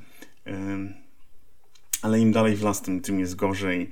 E, zwłaszcza jeżeli ktoś nie lubi tego motywu e, tego wybranej postaci, która idzie, idzie na misję i jest wspaniała, lepsza, lepsza od wszystkich, y, wie wszystko lepiej i, i tak dalej. To tutaj, tutaj też tego mamy dużo, co, co może wkurzać, bo, bo to jest y, coś raczej oczywistego, coś, co się pojawia praktycznie w każdej grze, a tutaj był ten potencjał, y, który no co prawda już w jedynce został zaprzepaszczony, ale liczyłem, że, że jakby pójdą dalej w inną stronę niestety idą w najgłupszym możliwym kierunku, jeżeli mogę się tak wyrazić, bo nie chcę nikomu zaspoilować, ale jeżeli, wy, jeżeli mamy grę dziejącą się w przyszłości, gdzie mamy tam, nazwijmy, robot dinozaury, e, prymitywnych ludzi i najgłupsze, co można sobie wymyślić jako twist fabularny, e, to tutaj się dzieje. Więc no. A zdarzają się takie jest... bardziej rozbudowane questy poboczne? Y, jest kilka, jest kilka bardziej rozbudowanych, ale to, to nie jest nic, y, nic strasznie, strasznie wciągającego. Pytam się, to, bo ja to... dzisiaj czytałem taki zaskakujący komentarz, że te misje poboczne w Nowym Horizonie są lepsze niż w trzecim Wiedźminie. To, e, to nie wiem, kto to... Znaczy, nie, wo... nie wyobrażam sobie, żeby ktoś to na serio mówił. O. No właśnie, byłem Chyba... zaskoczony, bo ktoś to właśnie napisał na serię. Znaczy ja grałem w pierwszą część i szczerze mówiąc nie, da, nie udało mi się jej ukończyć. Mo, może kiedyś wrócę. Właśnie od, odrzuciła mnie i fabuła i też bardzo kiepsko napisane dialogi. No to jest taki właśnie poziom e, Dying Light 2. No tu niestety lepiej nie jest, więc no, jeżeli, jeżeli chciałbyś liczyć na lepszą fabułę i lepsze dialogi, no to, to tu będziesz zawiedziony, bo wydaje mi się, że momentami nawet jest gorzej niż w jedynce. Więc, więc, więc tu słabo, ale... Czyli op oprawa i ciekawy są... gameplay. Nie? Tak, tak. No i jeżeli też ważne jest, że jeżeli komuś się nie przejadły otwarte światy, tak? Bo tu jest no mamy nawet takie, jest co prawda z tym wariacje, ale mam ten element wspinania się na wieżę, żeby odsłonić kolejny kawałek mapy, tak? I, A, jeżeli taki standard. Się, tak, jeżeli komuś się to przejadło, no to, to, to tu jakby będzie, będzie, będzie trochę zawiedziony tym tytułem. Jeżeli ktoś odpoczął od tego typu gier, bo, bo ja tak miałem, że przez jakiś czas już odpuściłem sobie otwarte światy, to taki powrót jest całkiem miły, i, i całkiem, fa całkiem fajny, chociaż y, gdybym miał być szczery, to na przykład Days Gone czy Ghost of Tsushima, inne takie tytuły z otwartym światem podobały mi się bardziej od, od, od Horizona. Że tutaj trochę ratuje ten, ten element taktyczny, który nawet się pojawił w Days Gone z hordami, tak? Że trzeba było kombinować, y, jak je pokonać. To tutaj mamy to z tymi większymi robotami, y, ale gdyby nie grafika, to tak naprawdę to by była, powiedzmy, moim zdaniem, jeden z tych słabszych tytułów e, z otwartym światem, które są ekskluzywne e, dla, dla konsol PlayStation. To jest trochę zaskakujące, bo w ostatnim czasie słyszymy jakby coraz więcej narzekań ze strony graczy, że już mają dosyć tych gier w otwartym świecie. A z drugiej strony właśnie Sony teraz każdą swoją e, nową grę umieszcza właśnie w dużym, otwartym świecie, czy to Days Gone, czy, czy, czy właśnie Horizon, czy, czy nawet Spider-Man, no bo to też był otwarty świat. Więc gdzieś tak odchodzą od tych takich typowych, chyba tylko The Last of Us zostało z takich produkcji, yy, które gdzieś jesteśmy cały czas prowadzeni za rączkę i są bardziej takie liniowe. No ostatnio jeszcze wysło Sifu. Tylko to nie jest chyba bezpośrednio od Sony. Tak, tak. I, znaczy, wiesz co, są jeszcze takie mniejsze tytuły, ale tu już mówię o takich typowych produkcjach e, mhm. AAA, nie? Bo wiadomo, są jeszcze, e, Sony wydaje czasami takie mniejsze, jakieś fajne e, tytuły, a, ale tu już mówię o takich dużych rzeczywiście grach, które sprzedają sprzęt. Więc tutaj już praktycznie każda ich produkcja to jest otwarty świat. I gdzieś troszeczkę mnie to męczy, bo szczerze mówiąc, o ile właśnie w Days Gone bawiłem się świetnie, ten, ten, ten świat to, jest, to jest zaskakujące. Ja z, ukończyłem fabułę, zdobyłem platynę i ja byłem załamany, że ja już po prostu nie mam co w tej grze robić, bo ja nadal chciałem tkwić w tym świecie. I co mi się bardzo rzadko zdarza, bo otwarte światy mnie, mnie męczą. O tyle w Spider-Manie to po prostu było ok, skończyłem grę i zobaczyłem, ile jeszcze na mapie jest do zrobienia. Nie, wywalam z dysku, po prostu nie dam rady. Fajnie się grało, ale dziękuję, 20 parę godzin wystarczy Do widzenia. To myślę, że ludzie narzekają na ten y, schemat, ten Ubisoftowy otwartych y, światów, bo zauważmy, że za dwa dni ma premierę Elden Ring, który też jest w otwartym świecie, a zbiera same dziesiątki, dziewiątki. Więc no da się coś inaczej zrobić. Tak, ale to jest taka gra specyficzna, która jest jakby dostosowana pod konkretnego odbiorcę, tak, pod miłośników Souls-like'ów, a tutaj no, no oni, ta gra na pewno nie będzie miała szans tak się sprzedać jak Horizon. No to prawda. Ja, ja, troszeczkę, brakuje mi takich produkcji jak Mafia 2, czyli teoretycznie gra jest, masz otwarty świat, ale i tak każda kolejna misja, nie ma jakichś takich misji pobocznych, każdą misją jesteś po prostu popychany dalej y, w wątku głównym. To jest taka gra na kilkanaście godzin, i w sumie no, możesz sobie pojeździć po mapie, coś tam porobić, ale nie jesteś jakby przytłoczony tymi aktywnościami, które cały czas rozpraszają cię od wątku głównego. Tak miałem na przykład w Spider-Manie, że po prostu, wiesz, gdzieś tam latałem po tym e, Nowym Jorku i potrafiłem 3-4 godziny spędzić, bo zanim dotarłem do jakiegoś celu związanego z wątkiem głównym, to ja jeszcze zrobiłem milion innych rzeczy. I niby no to fajnie. myślę, że to może mieć e, Elden, właśnie taki typ świata. Tak, a to akurat jest tytuł, który, który mnie jakoś szczególnie nie interesuje, ale fajnie, że o nim wspomniałeś, bo dzisiaj akurat e, pierwsze recenzje spłynęły do internetu i właśnie no, wiemy, że, że jest to no, arcydzieło, tak przynajmniej twierdzą recenzenci. No, świetne, świetne, świetne recenzje, świetne oceny, oceny zgarnia. No nie wiadomo, czy to nie będzie najlepiej oceniana gra w historii. No na razie tak się zapowiada. No być może. Na pewno najlepsza gra From. Chociaż tu poprzeczka jest dosyć wysoko, bo chyba Bloodborne też ma dosyć wysokie oceny.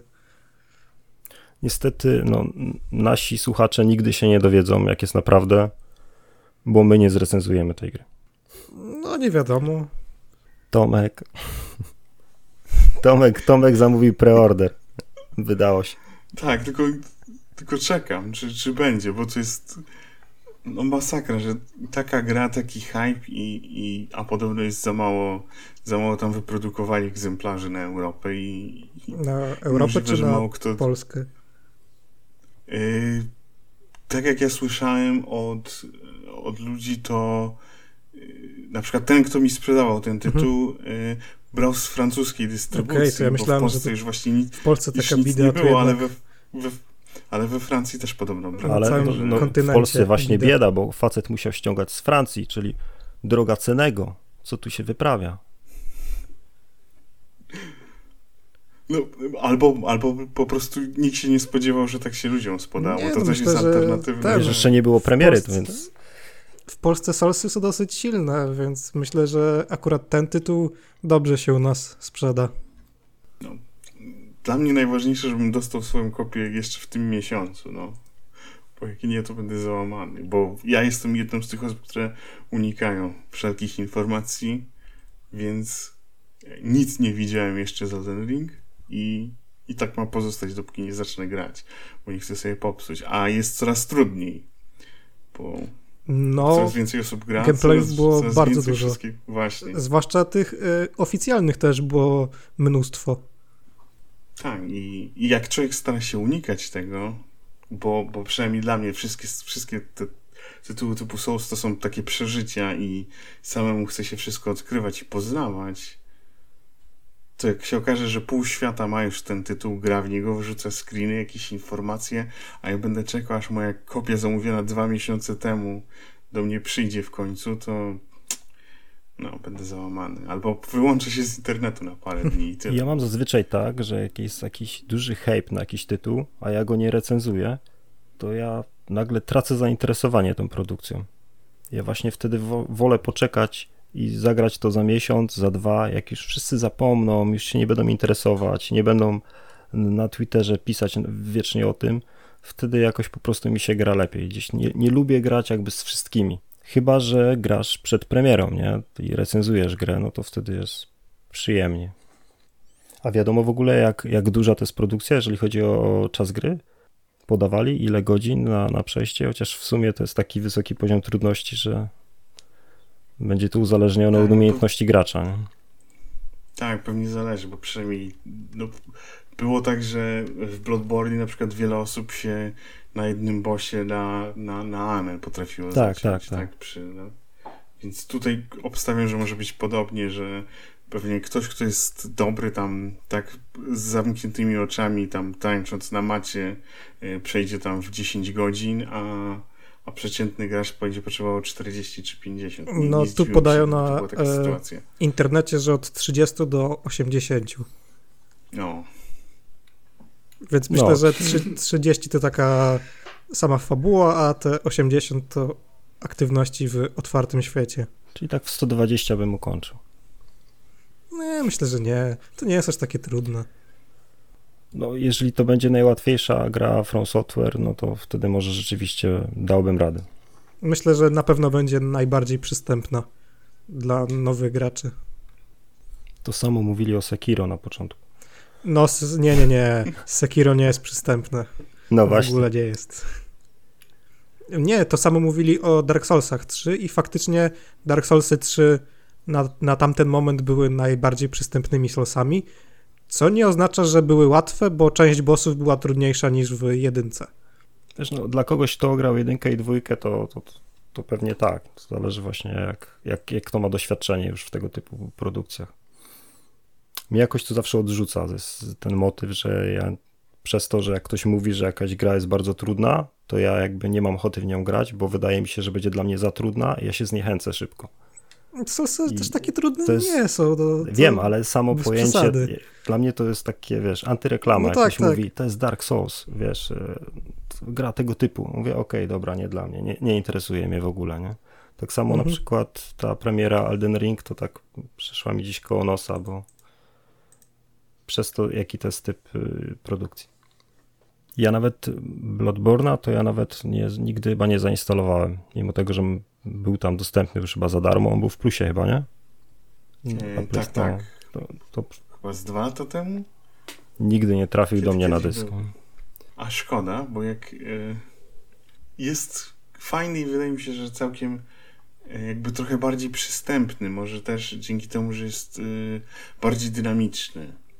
E, więcej akcji i, i jakby tam jest atakowanie premiowane, bo jak się traci punkty życia, no to e, atakując przeciwników szybko po tym, jak je stracisz, możesz je sobie jakby wrócić. Więc też jest jakby trochę, trochę inaczej zrobiony i może, może akurat ten by ci się e, spodobał. Zwłaszcza jeżeli na przykład lubisz horror, bo tam jest fajny, fajny horrorowy klimat. No tak, tak. Jeżeli chodzi o klimat, to, to tak, że jak oglądam jakieś materiały, to na pewno by mi mm, podeszło.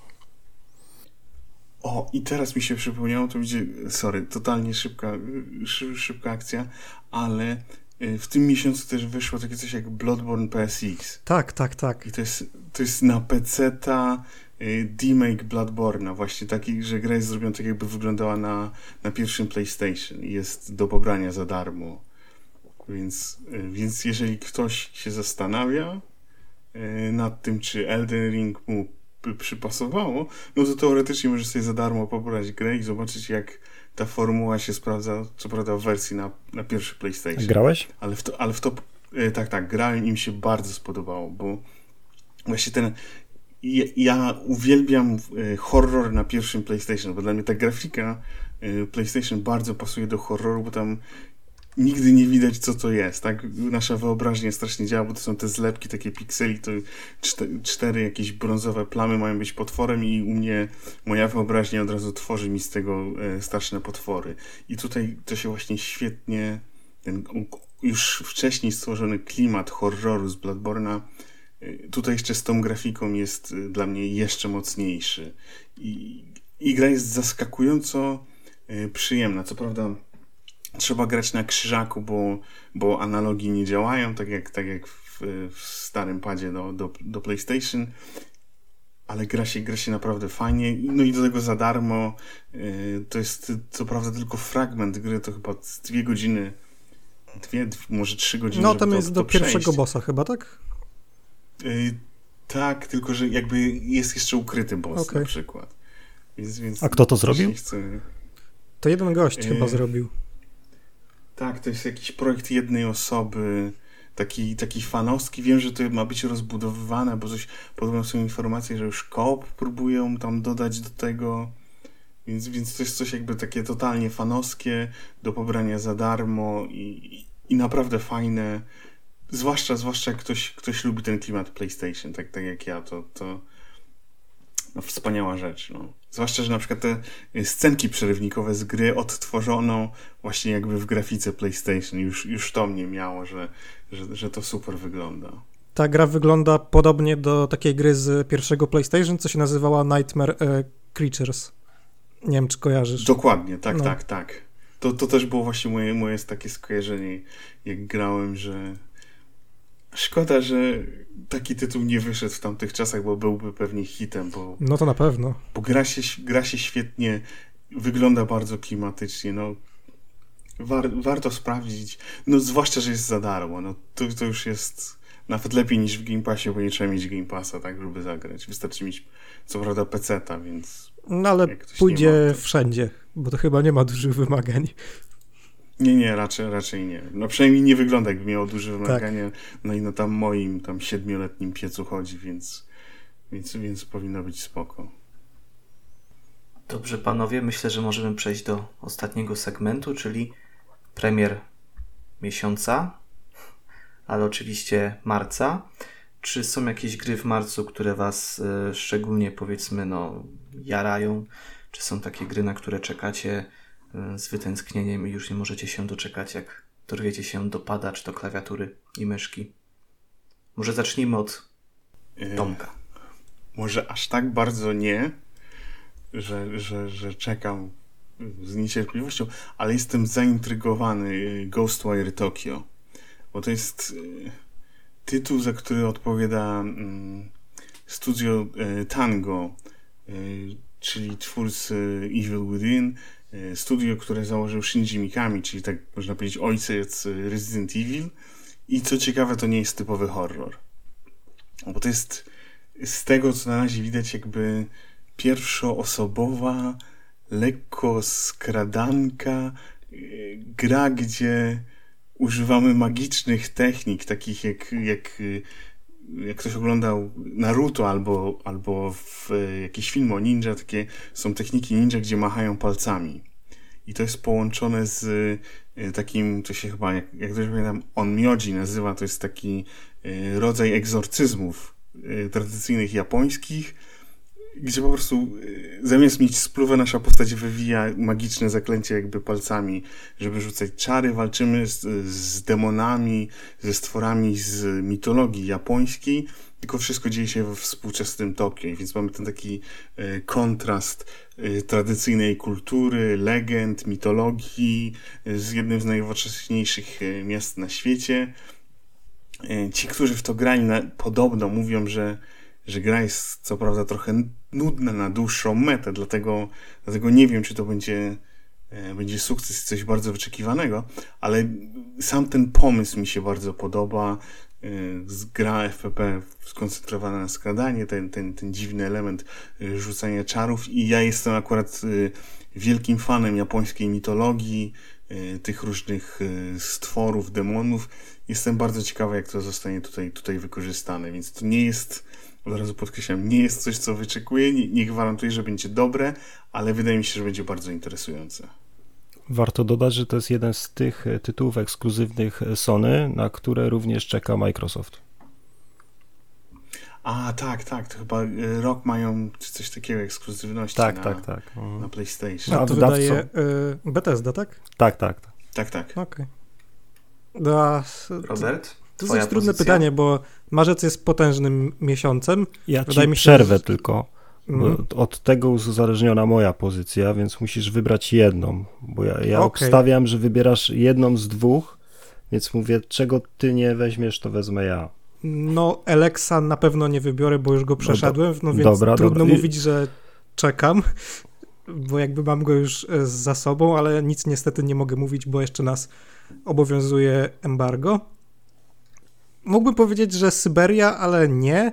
Powiem e, Final Fantasy, bo to jest dosyć nietypowe Final Fantasy, to jest Final Fantasy pełne kiczu, e, ponadto dosyć nietypowy schemat, bo to jest powrót do pierwszej części, zwłaszcza, że wszyscy jakby bardziej kojarzą tę e, markę z siódemką, ósemką, a tu mamy powrót do gry, która pamięta jeszcze lata 80.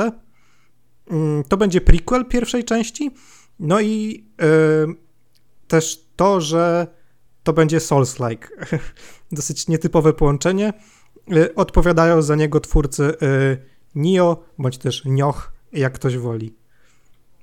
No ja szczerze powiedziawszy jestem zaskoczony, bo spodziewałem się tutaj e, Syberii. Więc no, mogę powiedzieć, że czekam na Syberię. Znaczy, no nie będę się tutaj za bardzo rozwodził. No, kolejna odsłona świetnej serii przygodówek. I oczywiście Alex. Tutaj dobrze, że nie widzę miny y, Roberta, bo on pewnie mógłby teraz mi pokazywać kciuka do góry albo zrobić kwaśną minę, bo on już ograł Alexa, ale na razie nic nie może powiedzieć, więc y, no po prostu ja lubię drewno. No. Lubię drewno w wykonaniu Pirani. Jestem fanem y, Gotika, więc jestem ciekawy, co z tego wyszło. Mam ich trochę, ale jeżeli mam wybrać jedną grę, no to oczywiście będzie to Shadow Warrior 3 yy, od studia Flying Wild Hawk, Polaków zresztą, którzy przejęli tę serię i radzą sobie bardzo dobrze. Remake wyszedł spoko, dwójka wyszła bardzo spoko i myślę, że trójka wyjdzie jeszcze bardziej spoko. Ja przynajmniej na to liczę. E, premiera w zasadzie już praktycznie za tydzień. Mm, no, nie wiemy kiedy ten odcinek oczywiście zostanie opublikowany, ale 1 marca gra pojawi się też w PlayStation Now. To jest taka ciekawostka. Mm, bohater się nie zmienia, znowu to będzie Lo Wang. Fantastyczny, współczesny taki ninja, który mm, potrafi siekać tą kataną bardzo dobrze, a jednocześnie też e, jest, ma całkiem dobre poczucie humoru. Także liczę na, liczę na to samo, co w dwójce, tylko jeszcze więcej i myślę, że e, się tu nie zawiedziemy i mm, to będzie kolejna dobra premiera po Dying Light 2. Ale jak tak patrzyłem, no to, to będzie trochę inna gra niż dwójka, bo bardziej w tej trójce widać naleciałości Duma tak, tak, tak. Eternal. No bo dwójka była takim trochę looter shooterem, trochę, a trójka ma być takim bardzo, bardzo dumową z ten, z, trochę z Sirius samym. Myślę, że ta część może mi się najbardziej podobać, ale to zobaczymy. Mhm, ale wychodzę z założenia, że wiesz, ciachanie kataną zawsze bawi. I ja, ja czekam. Tylko właśnie zdziwiło mnie ta zapowiedź, że będzie w PlayStation Now. To mnie tak trochę zaskoczyło. Czy, czy i pierwsze, co mi przyszło do głowy, że coś w grze, w grze nie wypaliło i dlatego tam ląduje. Bo nie mam jakby takiego przekonania, przynajmniej na przykład po e, Outriders, tak? To też była polska gra, akurat chyba w zeszłym roku i wylądowała dzień pierwszy w Game Passie i to był tytuł e, z potencjałem, który jednak nie do końca wypalił. I teraz się boję, że że coś może nie do końca tam gra i dlatego zdecydowali się od razu na dzień premiery wepchnąć do, do usługi. To chyba jest Pamiętajmy, pierwsza gra, że... która trafia na premierę do PlayStation Now.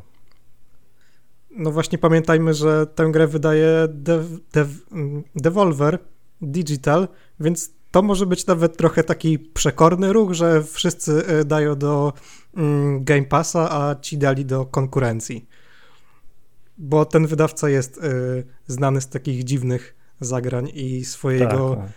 ironicznego podejścia do całej branży. Jest specyficzne poczucie humoru. Zresztą ich e, konferencje na, na dużych targach zawsze są inne niż wszystkie pozostałe. Dokładnie, może oni nawet wpadli na ten pomysł, że MacPixel 3, a nie 2, bo zapowiadali to jako zwieńczenie trylogii, ale nie wiem właśnie kogo to był żart, bo MacPixela 2 nie ma. Myślę, że zarówno Devolvera, tak, to... jak i Sosa, bo oni dosyć mają podobne poczucie humoru. Dokładnie. Ja z Shadow Warrior y, mam taki problem, że to jest taka seria, która ma wszystko w sumie, co powinno mi się podobać, ale jakoś tak y, zawsze przechodzę obok tych produkcji. Odpalę, czy jedynkę, czy dwójkę na dwie, trzy godzinki i za chwilę stwierdzam, że a w sumie mógłbym zagrać jeszcze w coś innego, może mi się bardziej e, spodoba, bardziej mnie wciągnie i, i porzucam. I tak naprawdę nie ukończyłem żadnej e, części. Nie wiem, jak będzie z trójką. Nie wiem, czy to fabularnie w ogóle jest jakoś powiązane, że, że trzeba przechodzić to je, pierwsza, druga, trzecia część, czy, czy można po prostu. Powiązane chyba jest, ale nie trzeba tego absolutnie przechodzić. Po Bo to raczej taka luźna, luźna historia jest. No? Tak, tak, tak. Ale to, co powiedział Kasjan, że jest to takie nastawienie. Nie, nie, to ty, Robert, mówiłeś, nie? Że bardziej idzie to w mhm. kierunku Duma. No to to jest też argument na plus na pewno dla mnie. Okej. Okay. Także myślę, że możemy mm, w tym momencie powiedzieć, że to już wszystko, co przygotowaliśmy dla Was na pierwszy odcinek Gamer Web Podcast. Mm, mam wielką nadzieję, że dobrze się bawiliście. Oczywiście liczymy na feedback. Obojętnie gdzie, czy na Twitterze, czy E, czy w komentarzach na stronie, czy na naszym e, Discordzie, mm, czy na YouTubie. Nie ma problemu. Wszystkie przeczytamy i weźmiemy sobie Wasze uwagi do serca. Tak, tak. No tak, tak. Ja na pewno wszystkie dobre słowa i pochlebstwa wezmę sobie do serca. Dobrze, więc e, mogę oficjalnie powiedzieć, że to wszystko. I moimi gośćmi byli Kamil Kościelniak. Tak jest. Do widzenia Państwu. Robert Heustowski. No cześć. I Tomasz Piotrowski. E, potencjalnie dobrej nocy. A ja nazywałem się Kasjan Nowak i próbowałem to jakoś prowadzić i utrzymać chłopaków w ryzach. Yy, dziękuję, że dało się Was utrzymać w ryzach. I do następnego. Trzymajcie się. Cześć. Cześć. Papa. Cześć.